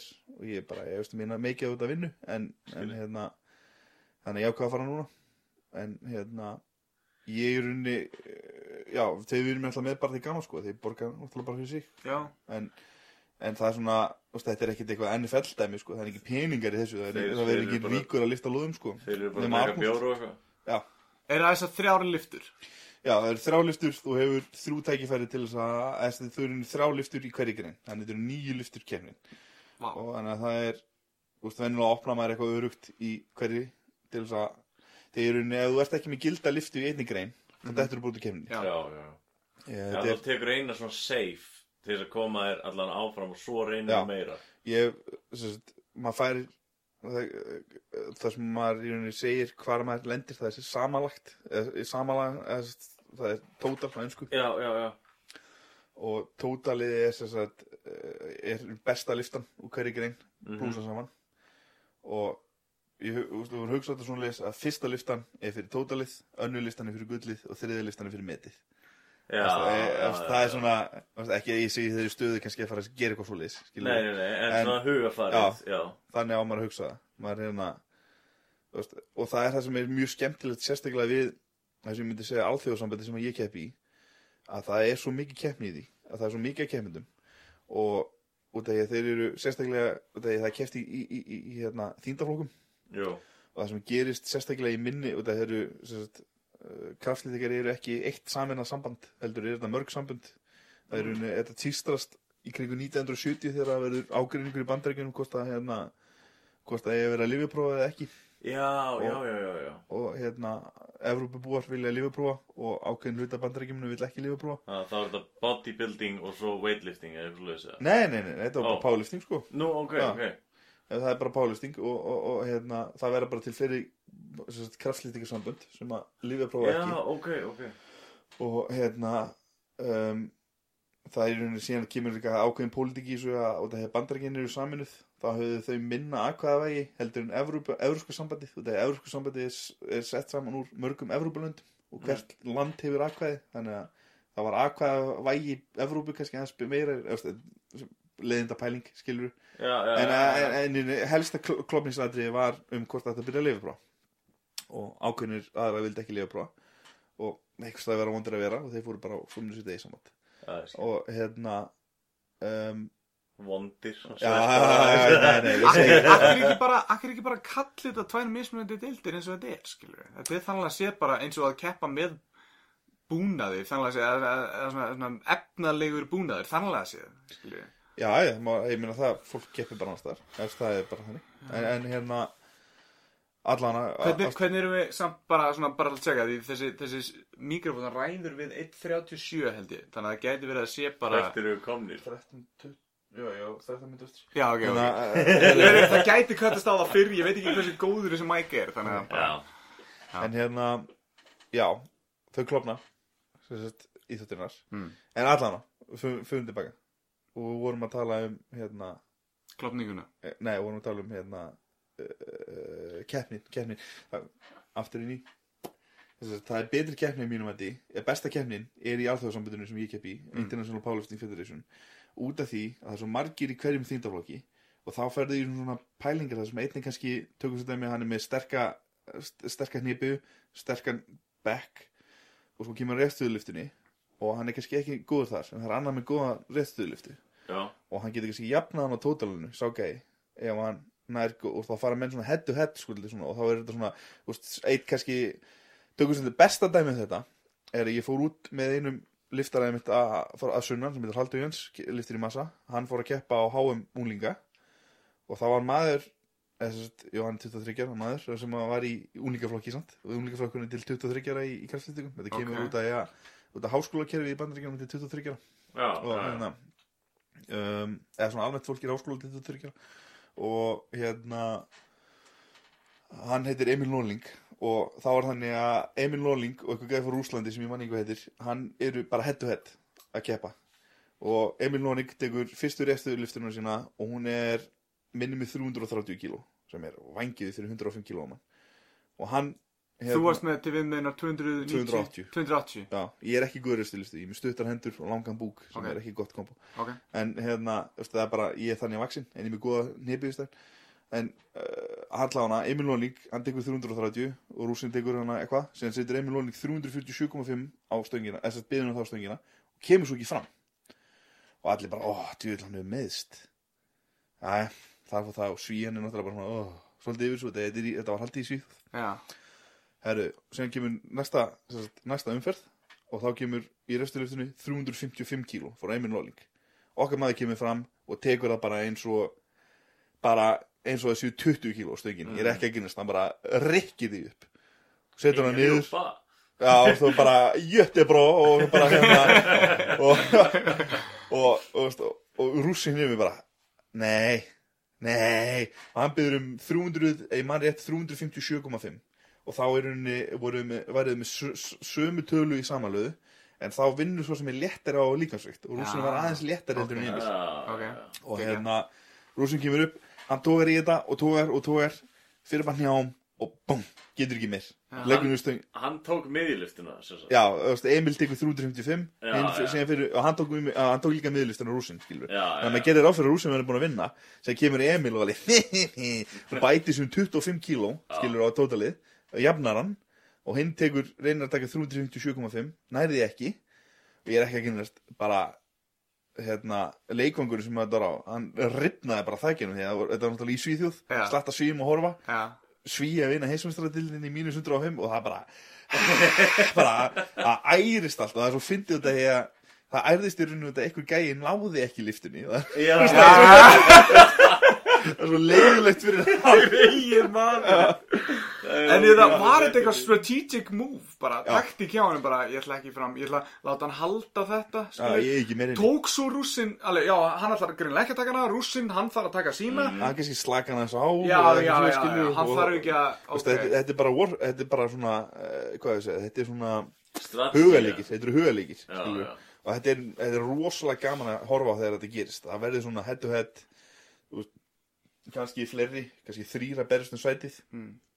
og hérna og þá fara menn svona í pælingar alveg, heyrðu, byrju, ef ég tek hérna á ég inni 5 kíló ef ég á inni 5 kíló þá þarf hann að ná hann þarf að ná þá kannski bara tveimur hálfu. Ah, ég næði í eitthvað Já, og vilt hann er, líka hann er aðeins lettar en ég eða eitthvað. Já, og getur tekið sem dæmi að, að ég til dæmis ég var að keppa í hérna í Beppersu í massa og þar var ég að keppa í bara góðkunningi minn Þorðar heitir hann og hann er á sunnan og hérna hann tekur 180 í bekk og ég tók 180 og hann hérna eftir svona smá tæknikallega á liftinu hjá mér þannig að þetta virkaði tölust erfiðara fyrir mig eftir þess að heldur en það var í rauninni sko. Ok, og hann setur 185 og ég er svona á ég inni meira? Jú, ég setum 187,5 ok já, sem, ég hef tekið 190 á móti en síðan er bara dagsform með okkur svo lis hvernig maður er Mhm. og hérna uh, og ég heyri svona út undan alveg herri, settu bara 185, hann á ekkit, hann á ekkit meir inni skilur Já, og síðan kom hann fram hann setur 185, náði ég ekki og ég náði 187,5 mjög létt því að þá loksins, þú veist, neldi ég við. þú til að taka það sem þú varst búin að negla niður eða? nei, þú ég svona þú ég Gast ekki bara að tekið 185 en þú ákvæðst samt að fara í Nei, ef 100 ég tekið 185, þá var hann léttar en ég. Ef hann hefði náð henni, Já, skilur við ok. Ég hefði alveg getað tekið Ég 185 fatta, Og tekið hann örugari Ok, Þá kannski aðeins svona meira Hvað ég segja, það var ekki alveg 100% Ég myndi hann 187 nei, nei. En úst, hún, síðan reyndist listan bara mjög fín. Incrementið, eða hækkurinn, þarf hann að vera 2,5 Hún þarf að vera deilanlega með 25 Nema þessi Íslandsmitt eða heimsmitt Á stórum mótorum, sko. Cool. Og þú ert að, þú ert að tala um crossfit leikana Nei, nei, Nei. Já, Það er samt áhugavert, crossfit er, er það er mjög áhugavert að því leiti að að hvað er, hvað er rosalega mikið áhuga á það. Það er miklu mér áhuga áhorf á crossfit-dildin og crossfit. Ég er samt, veist, ég hef alveg farið í crossfit og það. Ég er búin að drullu í crossfit Ég er búin að prófa að fasta þetta leg Ég nenn ekki að horfa á þetta, sko. Nei, en venjulegt fólk bara merkilega mikið nefnir að horfa og, Já. það er bara, Ég sé ekki vennilegur Nei. Já, þú veist, langt í frá eina ég er að tala um þúsund venjulegt fólk en þú veist, ég meina bara alls konar fólk Já. það er eitthvað alveg tjúna inn bara eitthvað, er já, verða að sjá söru gera eitthvað, eða Björgvin Karl eða eitthvað svo Það, ég held að hjálpi líka hellinga að það eru svo margir Íslendingar að keppa í þessu. Já, en ég og stundum er bara skemmtilega að horfa á kvennadeildina af því það er svo mikið íslenskum gellum að stelpum að hérna keppa í þessu. Já, mögulega. En ég meina Júlían, Júlían Jóhann Kall Jóhansson sem er, hann á þess að heimsmyndi í restiðlifti. Mm. Það var samt ekkert mikið áhörf held ég frá Íslendingum Nei, Á- nei, nei Það- á háum í kraftlýtingum. Það En ég meina það er þannig að þú veist, Íslendingur að toga 405 kíló í restiðlifti sem er bara bonkers eins og kannum segja. Þetta, þetta Já. kom í fréttunum manni, þú veist, þetta Já, var það kemur- sagt að, já, Já, sér náttúrulega klippana þar. já, En, þú veist, og það er náttúrulega kemur bara að því að, að eins og með allt annað, ef maður er ekki hlutaði þá fattar maður ekki alveg djúpi pælingarnar. Já, já. bara, Það vantar líka þessa heimildavinnu á baku þú veist, eins og, þú veist þú, það er nánast lítil heimildamynd um hvern einasta topp íþróttamann í crossfit heiminn þeir eru rosalega miklu, já, að markasetja taka myndir, vera að taka viðtöl fá svona sögun á bakvið. Kostar náttúrulega bara pening. Og það er, verður náttúrulega og það er ástæðan fyrir að crossfit verður aldrei íþrótt því að crossfit er bara crossfit með R fyrir aftan bara registered trademark, bara skráð vörumerki.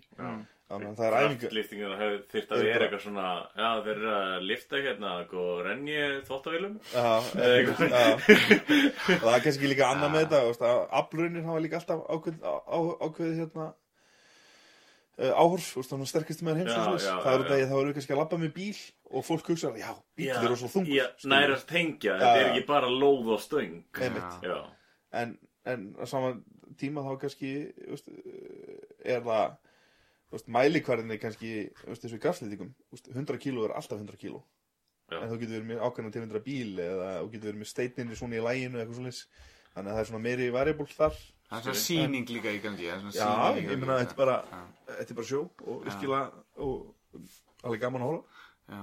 En hérna, er eitthvað plugg sem þú vilt taka svona í endan áður en þú dettir út úr hérna, Nei, ég er ég, veist, ég geti fylgst með mér ef ég li- fylgst með mér lifta að vera á goodlift.info sem er síða fyrir mm. kraftlýting punktur NFO eða info? info. Ok, info. en, já, info, goodlift.info það er eitthvað einhverjir hérna, tjekkar sem eru með þetta Ok. Er einhver, er einhver grimm er til á YouTube eða eitthvað? Þess að þetta taka einhver bara Þá blóna sér og addonum á Facebook er eitthvað til og með Instagraminu mínu ég er satt að segja ekkit eitthvað mikið að, að hérna Aron er alltaf, að hjálpa, alltaf til í að hjálpa við að flytja og svona. Hann tekur svona sterkar möblur bara einn niður. Þrönga ganga og svona. Ég var að hugsa og- sko, ég var að flýta um daginn bara, þú ég var í tjóni eftir það sko, Já, ég er ok. svona allt öðru sér álag kannski, maður er- objects. Já, maður er eitthvað þú veist, beigja sig kjánalega og okkur svolítið, því að þetta er, þetta er allt öðru sér reyfingar heldur en það sem maður gerir sko. Ég, ég átti einu sem flutningabíl sko. Ég fekk, fekk síntal svona einhver einstu viku. Þetta átti ekki ennþá bensin Nei, ég seldi bensin minn, pappi á sinn ennþá. Já, er það, Minn var í felulitum, hann sem bara, það er nákvæmlega eins bíl sko Hann Já. er bara greitt sko. Já, ég sá hann um daginn. Hann, Já. er, þá, er náttúrulega eitt líka með enganúmer en hann kona eða eitthvað.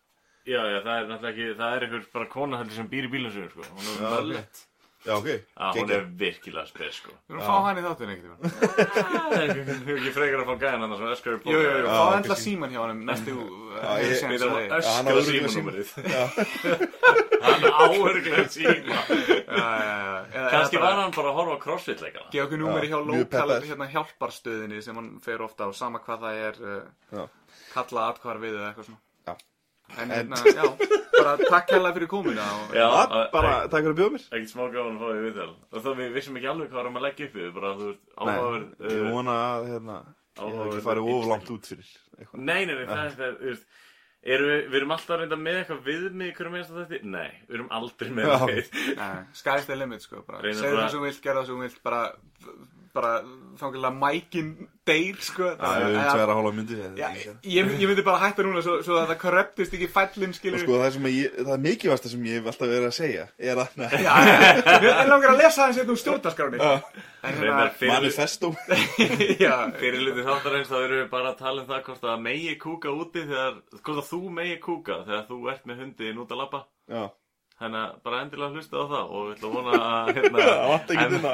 en að reynda áhlustendur að njóti þessar þáttar og hafi gaman af árunni. já, takk fyrir mig Takk og bless. Já, takk fyrir.